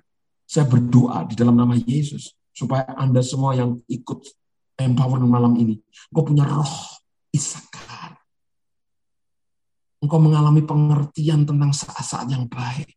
Kapan invest, kapan enggak, kapan bekerja sama sama orang itu, kapan jangan, kapan engkau mesti mesti taruhkan kekayaanmu di sini, bagaimana engkau berbuat seperti ini, kapan waktunya kau dealing, kapan dan sebagainya. Mempunyai pengertian yang saat-saat yang baik, sehingga mereka orang Bani Sakar mengetahui apa yang harus diperbuat orang Israel. 200 orang kepala dengan seluruh saudara sesukunya. Karena mereka tahu punya roh Isakar, tahu tentang saat-saat yang baik. Uh, maka mereka mengetahui apa yang harus diperbuat. Anda tahun depan harus tahu apa yang Anda perbuat. Caranya, belajar dong tentang situasinya. Pakai roh Isakar itu, kenali saat-saat yang baik. Anda perlu roh Isakar. Sehingga Anda tahu apa yang harus Anda perbuat. Apa yang Anda kerjakan, apa yang Anda lakukan dalam bisnis Anda Bagaimana Anda mengatur uang Anda. Pada suatu kesempatan Yesus memarahi orang Farisi dan orang Saduki. Dia berkata Matius 16 ayat 3. Rupa langit kamu tahu membedakannya. Tapi tanda-tanda zaman tidak tahu kamu. Bangun. Ketahui tanda-tandanya. Belajar, jangan males. Bermedsos di channel-channel yang nggak berguna. Waktumu 3 jam, 4 jam, 5 jam sehari hanya untuk searching di di perkara-perkara shopping. Ya ampun. Anda akan tiba di titik Anda nggak bisa shopping lagi. Karena Anda nggak punya knowledge. Kita sedang hidup di zaman yang sangat rapuh. Kebenarannya adalah ini. Zaman sekarang itu belum ada referensinya dari zaman sebelumnya. Nggak ada. Zaman kita ini belum pernah terjadi di zaman-zaman sebelumnya. Nggak punya referensi kita. Hampir setiap hari kita menjalani hal yang baru terus kan. Daripada hanya membuat putus asa karena kita terus menerus dilindas oleh zaman yang rapuh ini. Perubahan-perubahan pesat di zaman kita ini sesungguhnya harusnya meningkatkan kebutuhan mendesak kita untuk giat menyadari dan mempelajari apa yang berlangsung. Ini yang saya lakukan hari-hari ini, saudara-saudara. Giat menyadari, giat mempelajari apa yang sedang berlangsung. Didorong oleh roh Isaka. Bangun. Ketika saya mulai menyaksikan fluktuasi dan perubahan besar ekonomi nasional dan global mulai awal tahun ini, saya terjun di dunianya. Lika-likunya saya masuk. Mulai mempelajari segalanya semampu saya tentang dunia keuangan. Berbulan-bulan terakhir ini saya kursus-kursus keuangan. Saya ikuti semua channel YouTube tentang keuangan. Yang baik saya ambil, yang diteguhkan firman saya telan saya belajar secara knowledge. Buku-buku saya banyak sekali saya sekarang tentang keuangan dan bisnis, investasi. Saya pelajari. Saya nggak mau lack of knowledge, kekurangan knowledge. Itu bikin bikin kita ngalami the year of lack. Karena kita lack of knowledge. Saya bukan ahli keuangan. Walaupun saya dulu sekolah latar belakang kampus, uh, latar belakang kuliah saya ekonomi, tapi tapi saya bukan ahli keuangan dan tidak banyak tidak banyak tahu tentang ekonomi. Banyak hal lagi nanti eh, perkara-perkara ekonomi yang saya mungkin nggak akan pernah pahami. Namun yang saya lakukan adalah saya mencoba memahami dunianya. Saya mencoba menjadi murid. Setiap keputusan penting dalam hidup ini dimulai dengan menemukan kebenaran. Ketika mengenal kebenaran, Anda tahu bagaimana harus mencapai tujuan Anda. Tanpa kebenaran tidak mungkin ada perjalanan yang penuh arti. Anda harus temukan kebenaran, baru Anda bisa mencapai tujuan. Gimana? Nggak tahu kebenaran soal uang kok mencapai tujuan soal uang. Harus ada kebenaran soal uang, pengetahuan soal uang. Kebenaran soal kekayaan, pengetahuan soal kekayaan, baru ada tujuan kekayaan yang kuat bisa ditetapkan, bisa digapai. Jadi pertama-tama mari kita sepakati. Kita perlu mengenal kebenaran tentang uang yang keuangan yang baik. Artinya, menekuni permainan keuangan ini. Gimana nih permainan keuangan ini sebenarnya sekarang gimana sih? Aku dulu nggak suka juga belajar ekonomi makro. Tapi sekarang aku belajar ekonomi makro, perekonomian dunia, aku tiap hari baca berbagai macam sumber media yang bagus, newsletter online, aku lihat semua. Menekuni permainan bagaimana dunia keuangan ini. Dan aku menjadi murid ekonomi, gitu. Dalam hal masa depan keuangan Anda, Anda mati-matian perlu menekuni permainannya. Kalau Anda belum memulai prosesnya, saya harap Anda mulai melakukannya sekarang, saudara-saudara. Mulai malam ini. Amsal 15 ayat 22. Rancangan gagal kalau tidak ada pertimbangan. Tapi terlaksana kalau penasihat banyak. Ayolah bertumbuhlah dalam banyak input-input di kepalamu, menambah knowledge-mu. Amsal 24 ayat 6. Karena hanya dengan perencanaan kau dapat berperang dan kemenangan tergantung pada penasihat yang banyak. Tidak banyak input di kepala kita. Diajak diskusi soal bisnis sama sekali nggak tahu. Bahkan hamba-hamba Tuhan yang hadir di forum malam ini pun, engkau enggak, aku juga hamba Tuhan bukan? Aku pengkhotbah. Aku ada dalam pelayanan misi juga, tapi aku belajar keuangan kok. Bagaimana engkau bisa menjawab pertanyaan-pertanyaan jemaatmu di masa kelam tahun depan tentang keuangan, tentang kekayaan, tentang investasi, tentang apa saja? Bagaimana? kalau engkau tidak menguasai juga. Kita perlu menumpuk eh, nasihat-nasihat yang mulia dan berkebenaran di kepala kita. Ada ada banyak buku-buku yang dapat Anda baca. Orang-orang yang ekspor tulis buku. Saya aja melakukan melakukan konsultasi kepada pakar-pakar keuangan secara online. Saya lakukan itu. Saya tanya-tanya. Saya terus terang rajin soal itu. Seminar-seminar online saya ikuti, saya bayar. Saya sekolah juga sekarang. Saya sampai sekolah sistemasi bisnis hari-hari ini. Saya belajar. Dalam generasi informasi, generasi informasi yang instan ini, aduh, pengetahuan pengetahuan penting itu cuma semudah pencet klik aja. Hal yang dibutuhkan untuk mengaksesnya hanyalah ini, keinginan untuk menekuni. Udah. Namun hal apa pun yang Anda lakukan, jangan melupakan sumber daya terbaik untuk knowledge. Alkitab. Saya belajar semua hal, tapi Alkitab tetap buku utama. Yes.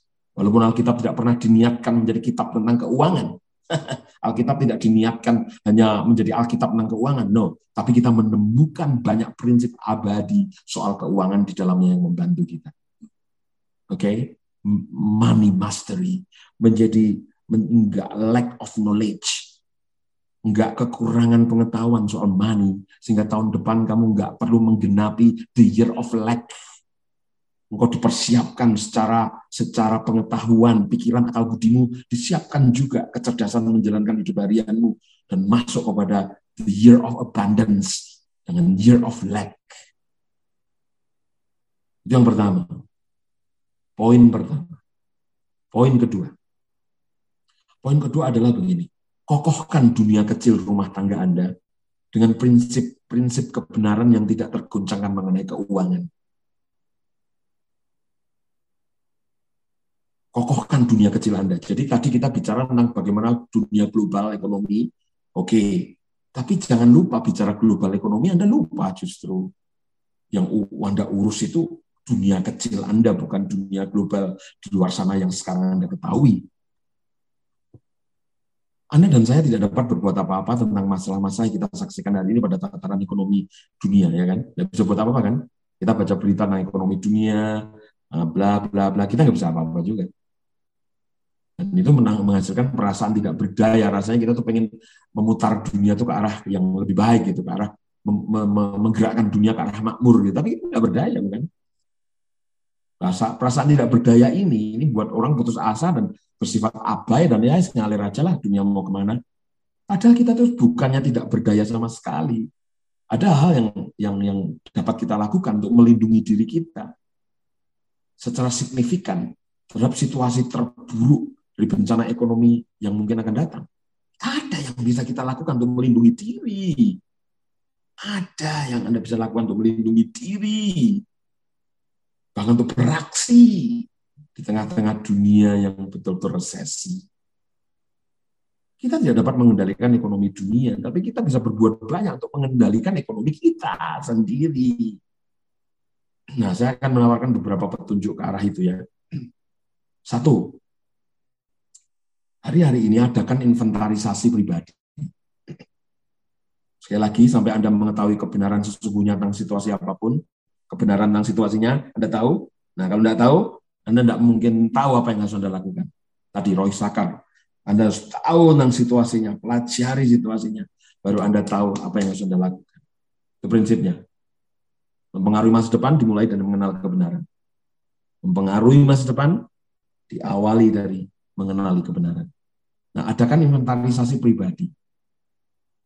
Salah satu hal terpenting yang telah kami berdua, saya dan Yoga lakukan sebagai pasangan suami istri selama beberapa bulan terakhir ini adalah menginventarisasi keuangan kami. Adakan inventarisasi pribadi. Kami mulai proses mencari tahu bagaimana kami menangani keuangan. Ini menjadi pengalaman yang baik bagi kami, bukannya tanpa kejutan. Sejujurnya di masa-masa yang telah lewat, sangat sibuk pelayanan sampai tidak menekuni permainannya yang semestinya. Anda mungkin menolak untuk melakukan inventarisasi pribadi ini karena takut akan apa yang Anda temukan. Anda takut nanti menemukan, iya ada lubang di sana di keuangan, ada lubang di sini, ya Anda takut sebenarnya.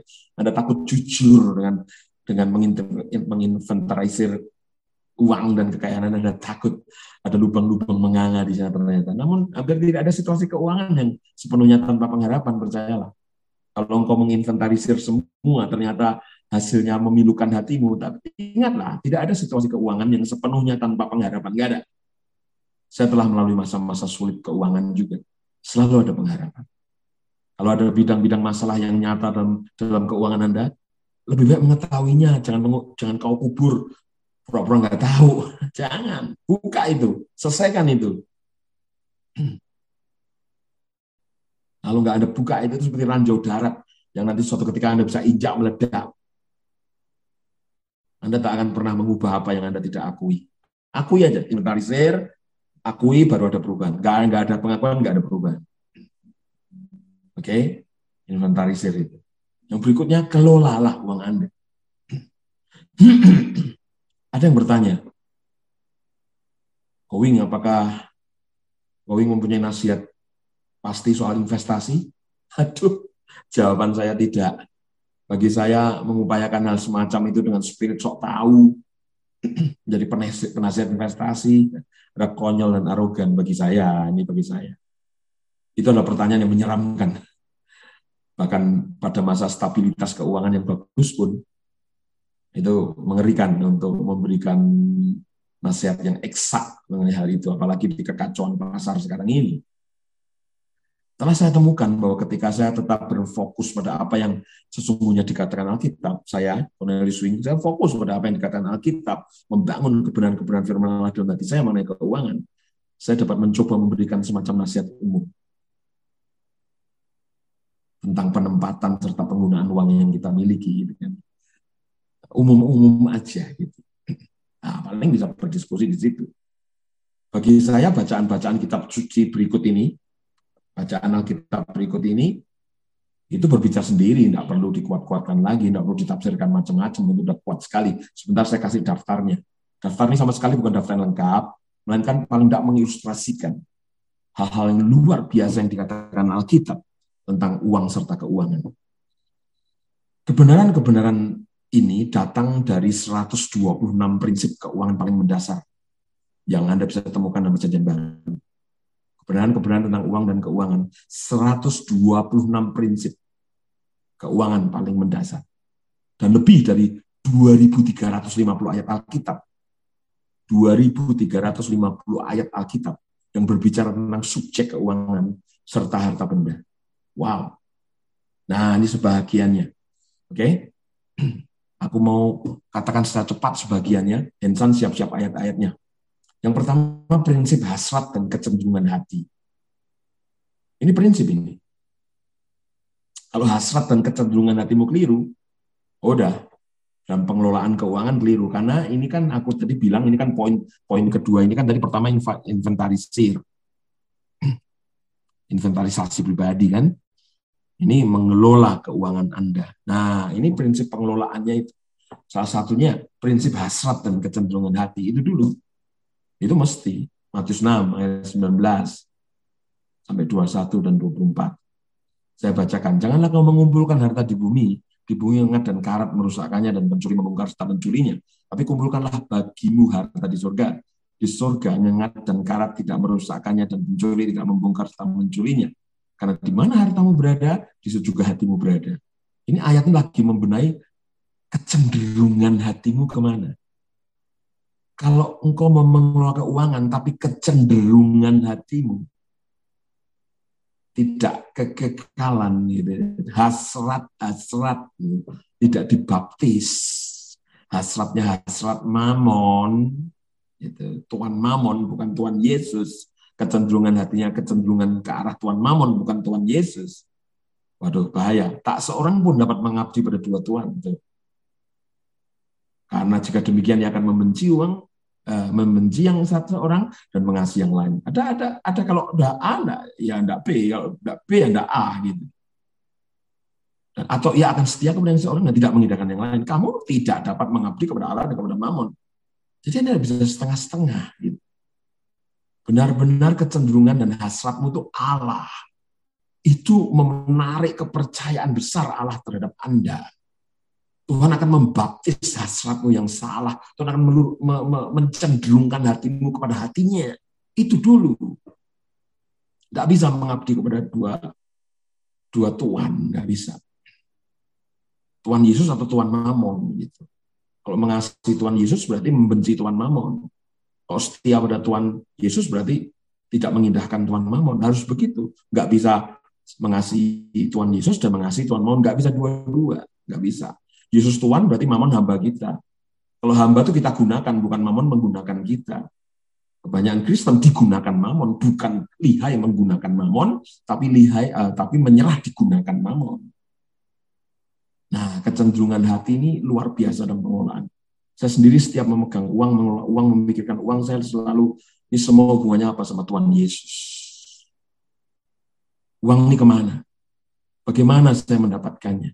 Bagaimana cara mengelolanya? Semuanya itu Tuhan Yesus menjadi kecenderungan utama nggak? Hasrat dan kecenderungan hati. Tuhan Mamon atau Tuhan Yesus, karena nggak bisa dua Tuhan.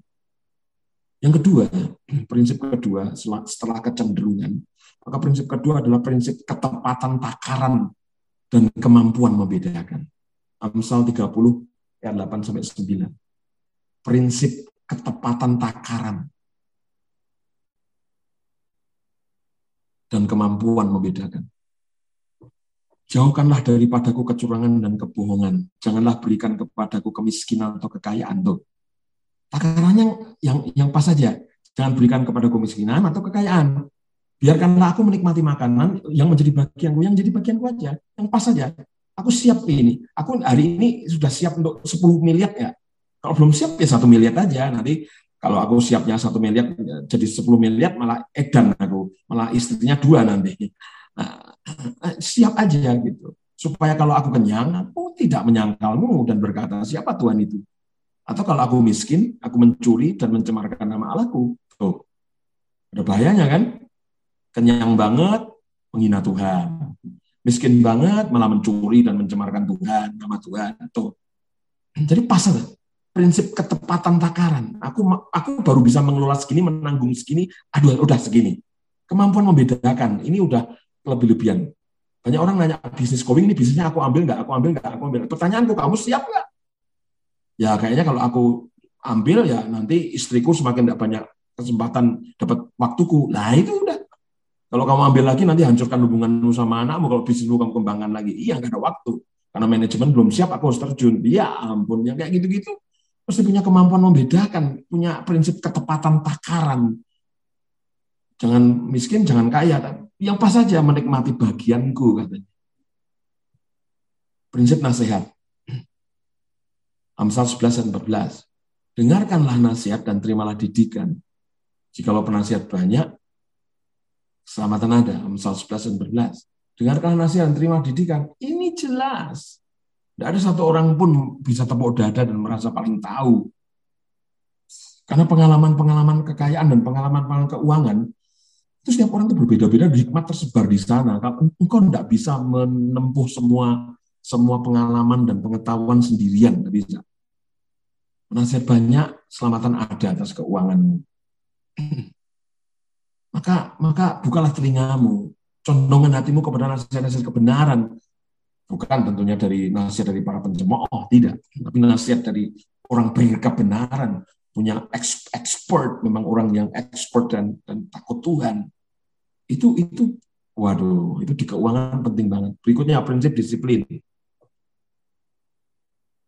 Prinsip disiplin, Amsal 28 ayat 20 dan 22. Orang yang dapat dipercaya mendapat banyak berkat, tapi orang yang ingin cepat menjadi kaya tidak akan luput dari hukuman. Dapat dipercaya, disiplin nggak kelola uang perusahaan, nyolong-nyolong nggak disiplin, tak pada nurani. Orang yang dapat dipercaya mendapat banyak berkat tuh. Jadi disiplin sama nurani. Orang yang kikir dan tergesa-gesa mengejar itu, tergesa-gesa mengejar harta, itu pun tidak disiplin. Tergesa-gesa mengejar harta, nggak menemukan base of grace, kecepatan anugerah dalam mengejar harta, kecepatan gitu loh. Belum siap ambil, belum siap ambil, kejar, kejar, kejar. Anda ditimbun oleh harta dan terkubur di dalam mati secara rohani.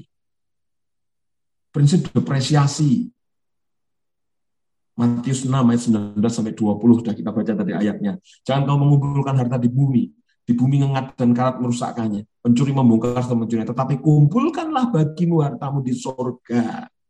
Di sorga ngengat dan karat tidak merusakkannya, tidak terkena depresiasi. Dan pencuri tidak membongkar serta mencurinya. Kumpulkanlah bagimu hartamu di sorga.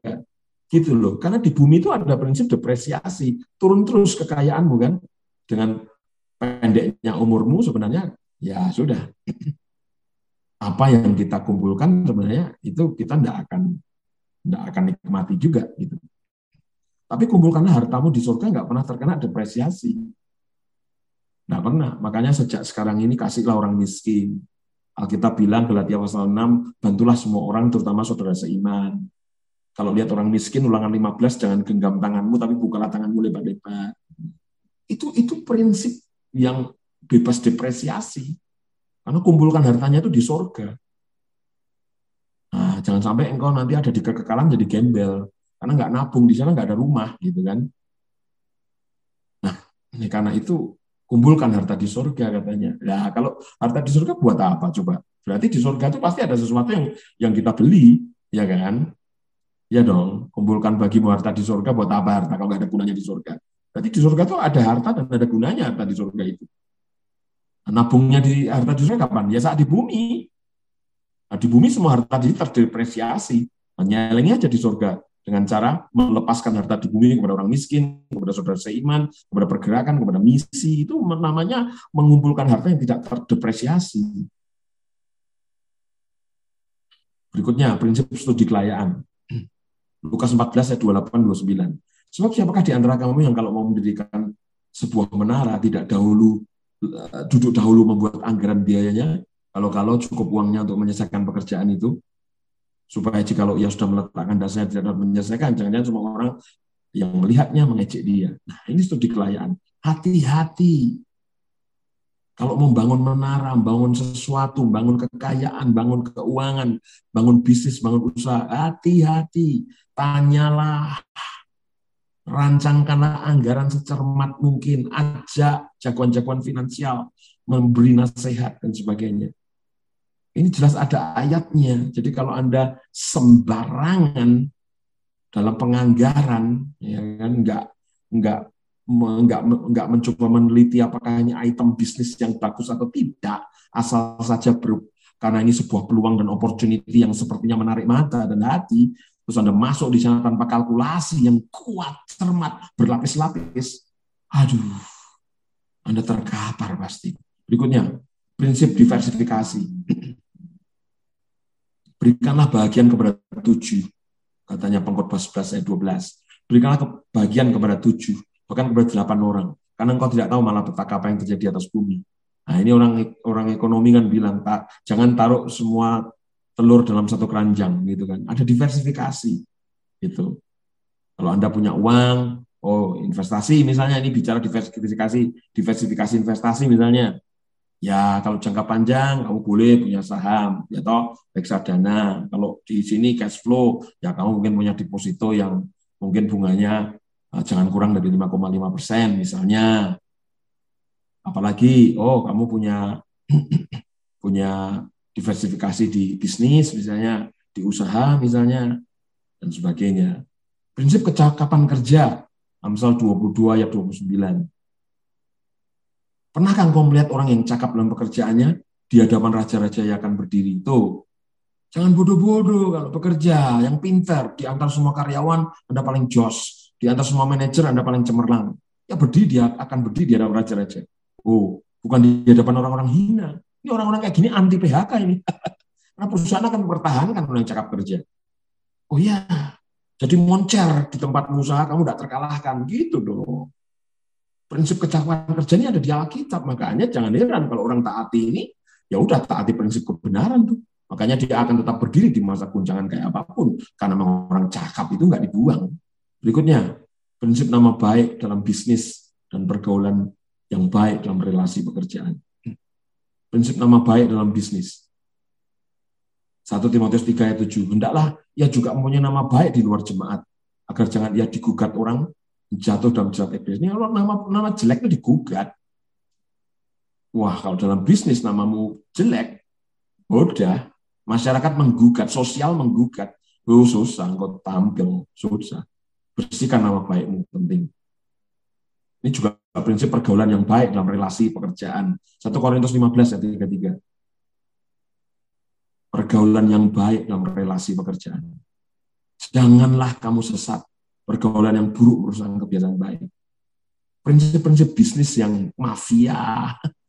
Karena pergaulannya sama mafia. Relasi pekerjaannya buruk sekali. Hikmat-hikmat yang tumbuh soal pengelolaan uang, kekayaan, usaha, bisnis. Itu hikmat-hikmat sangat terpengaruh oleh pergaulan. Anda tidak punya mentor-mentor dan komunitas usahawan yang keren, yang bagus. Prinsip devosi dalam keuangan. Prinsip berikutnya. Lihat, Amsal 3 ayat 9 ayat 10.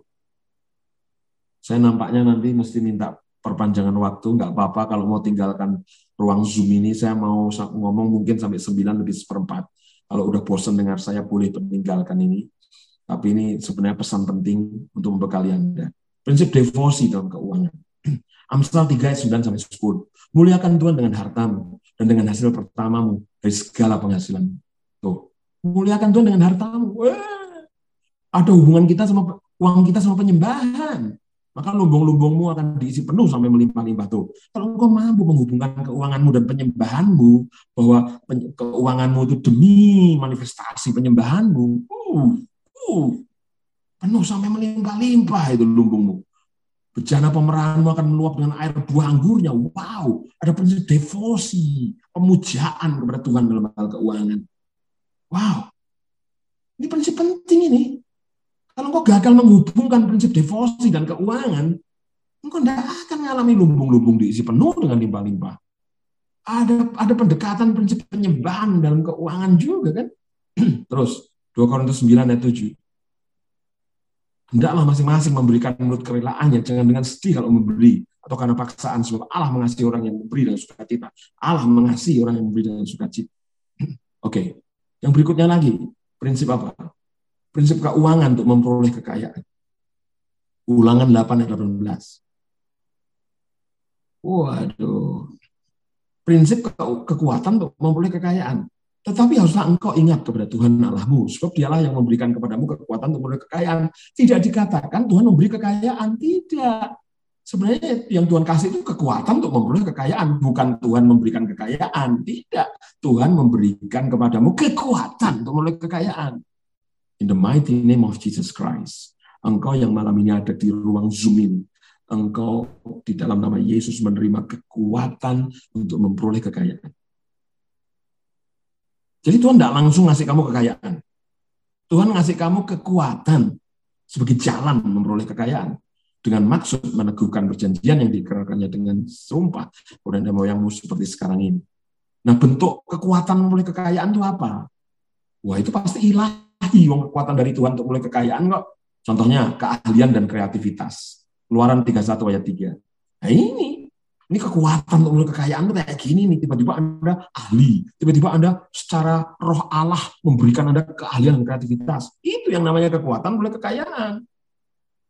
Dan telah kupenuhi dia dengan roh Allah. Wow. Dengan keahlian. Wow dengan pengertian dan pengetahuan dalam segala macam pekerjaan. Tuh. Dalam bekerja itu Anda perlu roh, roh, roh keahlian, pengertian, pengetahuan, dan segala macam, segala macam pekerjaan. Apa aja bisnismu, apa pun pekerjaanmu, roh Allah mampu memberikan keahlian kamu di sana.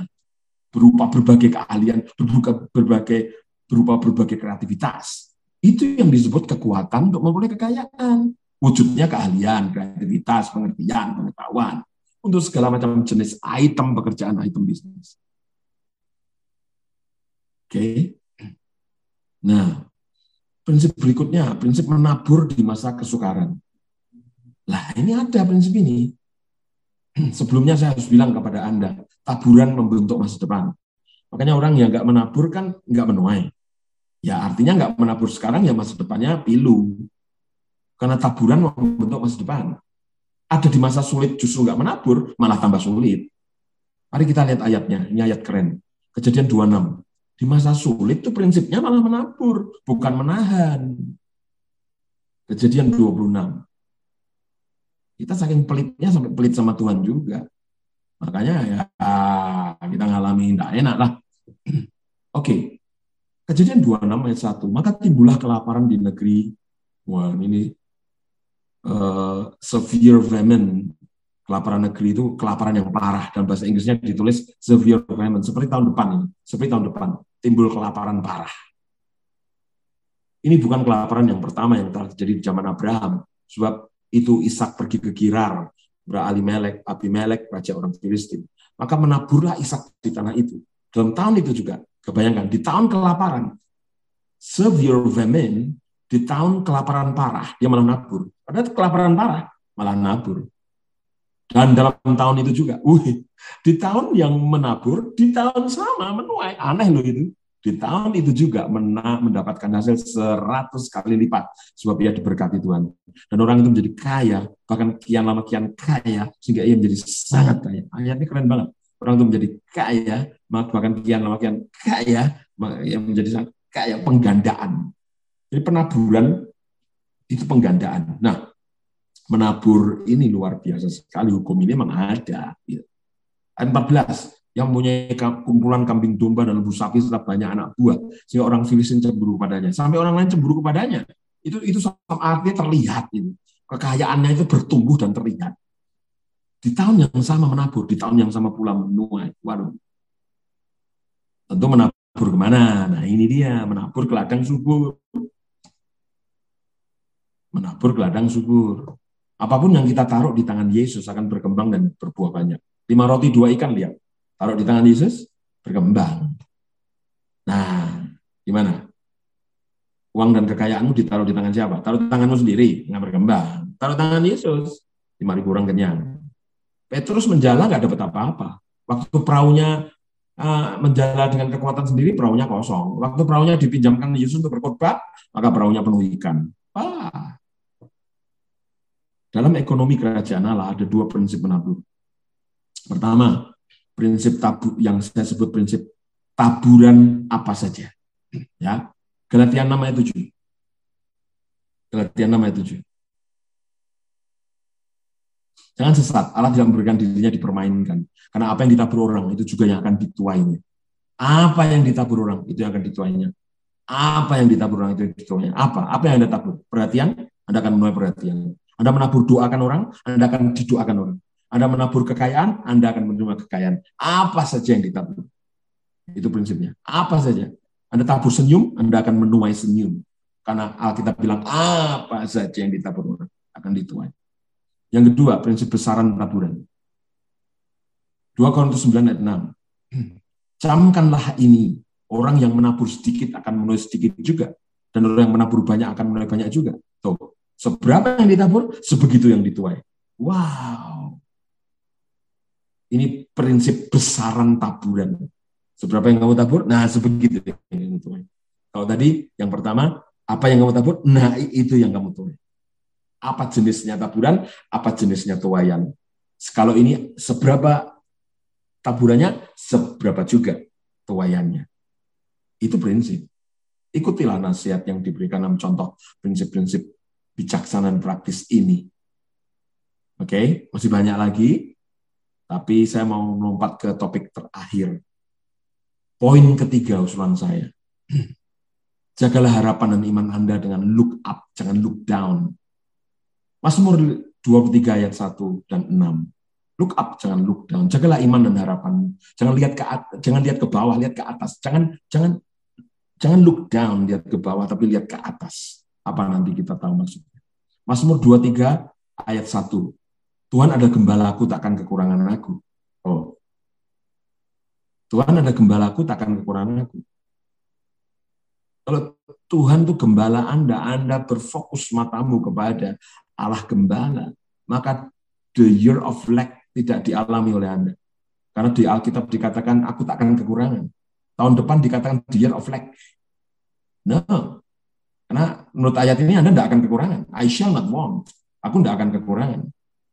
Kamu tidak akan kekurangan. Dalam nama Yesus, kamu tahun depan, sudah saudara semua yang ada di ruang Zoom ini, kamu tidak akan kekurangan tahun depan. In the mighty name of Jesus Christ, tahun depan dari 1 Januari sampai akhir tahun, kamu tidak kekurangan. Karena Alkitab yang berkata, bukan connect swing, Alkitab berkata, I shall not want. Kalau Tuhan itu jadi, Anda tengok ke atas Tuhan gembala di atasmu, engkau menyembahnya sebagai Tuhan gembala, maka engkau I shall not want, aku tidak akan kekurangan.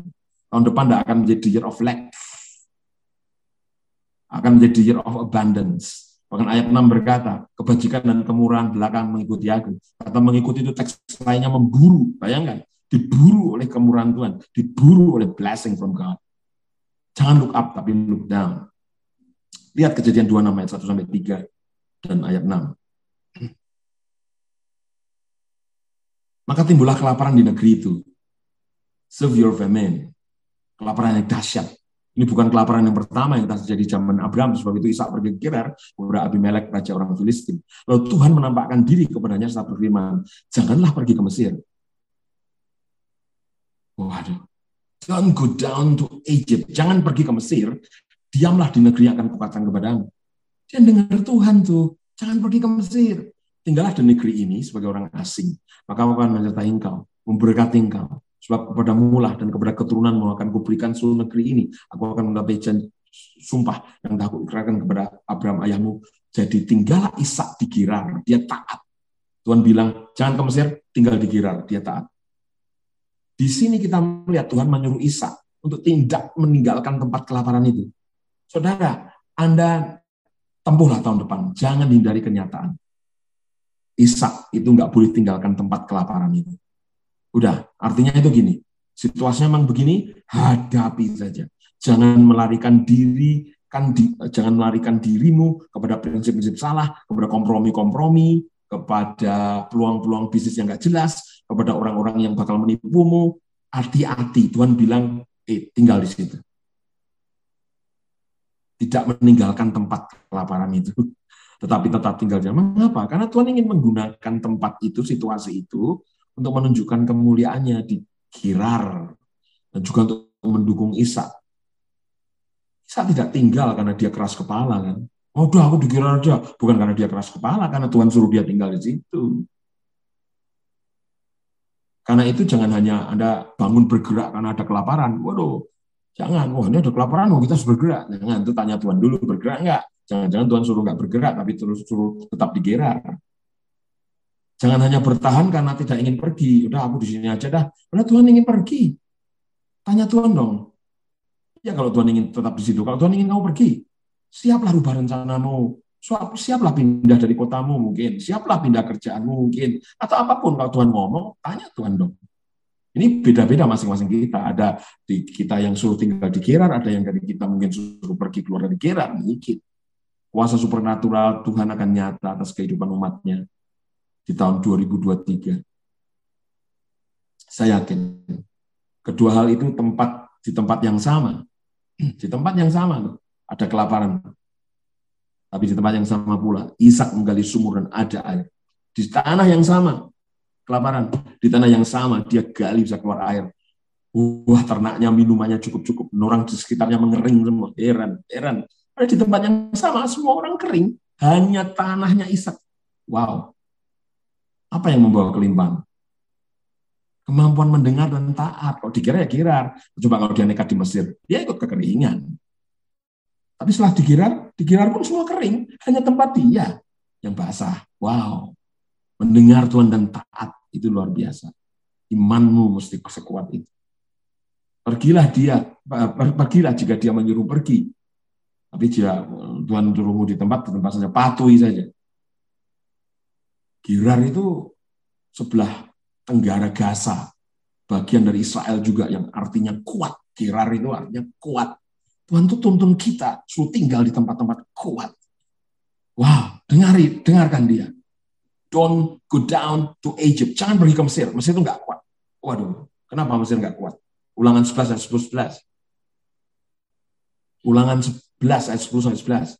Sebab kenapa Tuhan nggak boleh si Ishak ke Mesir. Sebab negeri ke mana engkau masuk untuk mendudukinya bukanlah itu kanaan maksudnya. Kanaan itu enggak seperti negeri di tanah Mesir.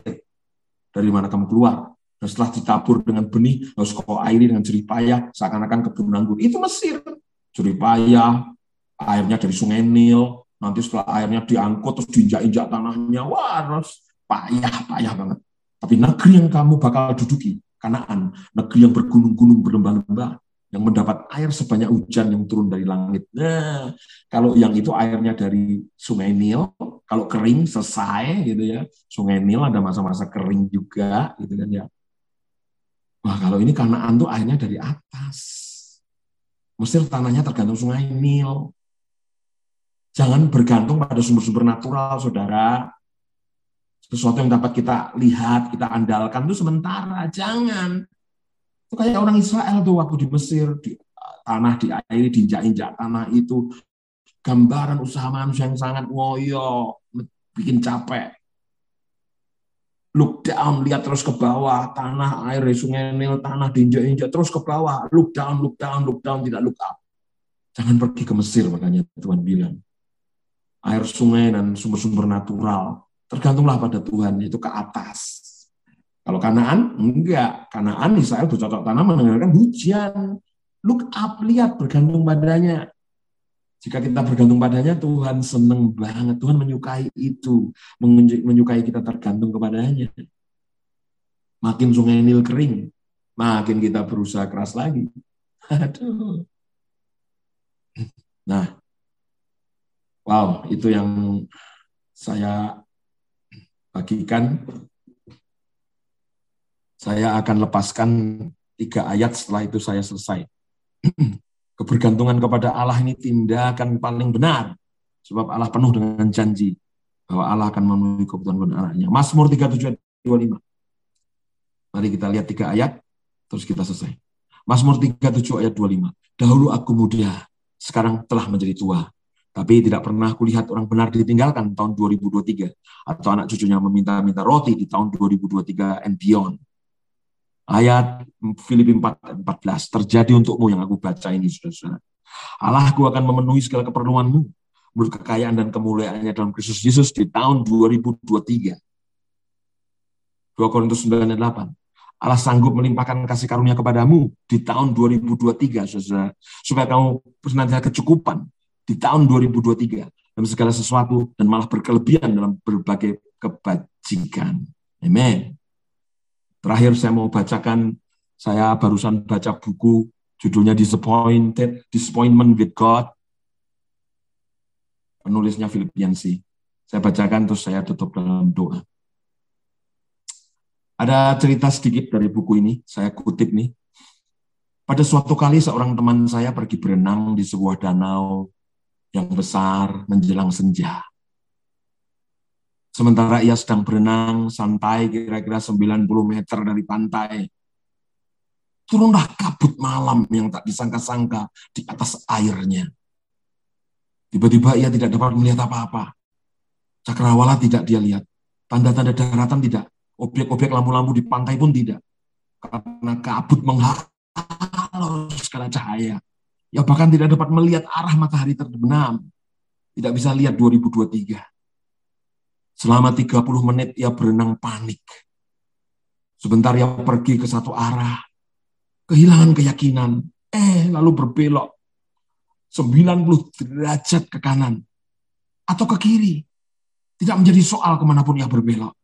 Bingung, panik, ia dapat merasakan jantungnya berdebar di tak terkendali. Lebih capek lagi sebentar, dia akan mati tenggelam. Maka ia berhenti berenang. Kemudian ia memutuskan berhenti berenang hanya mengambang, berusaha menghemat energi, dan memaksa diri untuk bernafas lebih lambat, menenangkan hati, lalu berenang lagi. Pada akhirnya ia mendengar suara sayup-sayup dari pantai. Ia arahkan tubuhnya ke suara-suara itu dan mengikutinya. Sehingga ia tiba di pantai dengan selamat. Nah, kita semua dapat memaklumi kisah ini. Belakangan ini tampaknya seolah-olah kita dipaksa hidup dalam kabut yang semakin tebal saja kan. Hari-hari ini kita dipaksa hidup dalam kabut yang semakin tebal. Apalagi 2023, kabut makin tebal. semua lingkungan yang sudah tidak asing lagi bagi kita hari-hari kemarin, kemudian menjadi tidak kita kenal lagi. Terselubungi awan, kita tidak tahu harus menuju ke mana. Kalau kita jujur, kita sering takut dan terkadang putus asa, merindukan petunjuk dari Allah.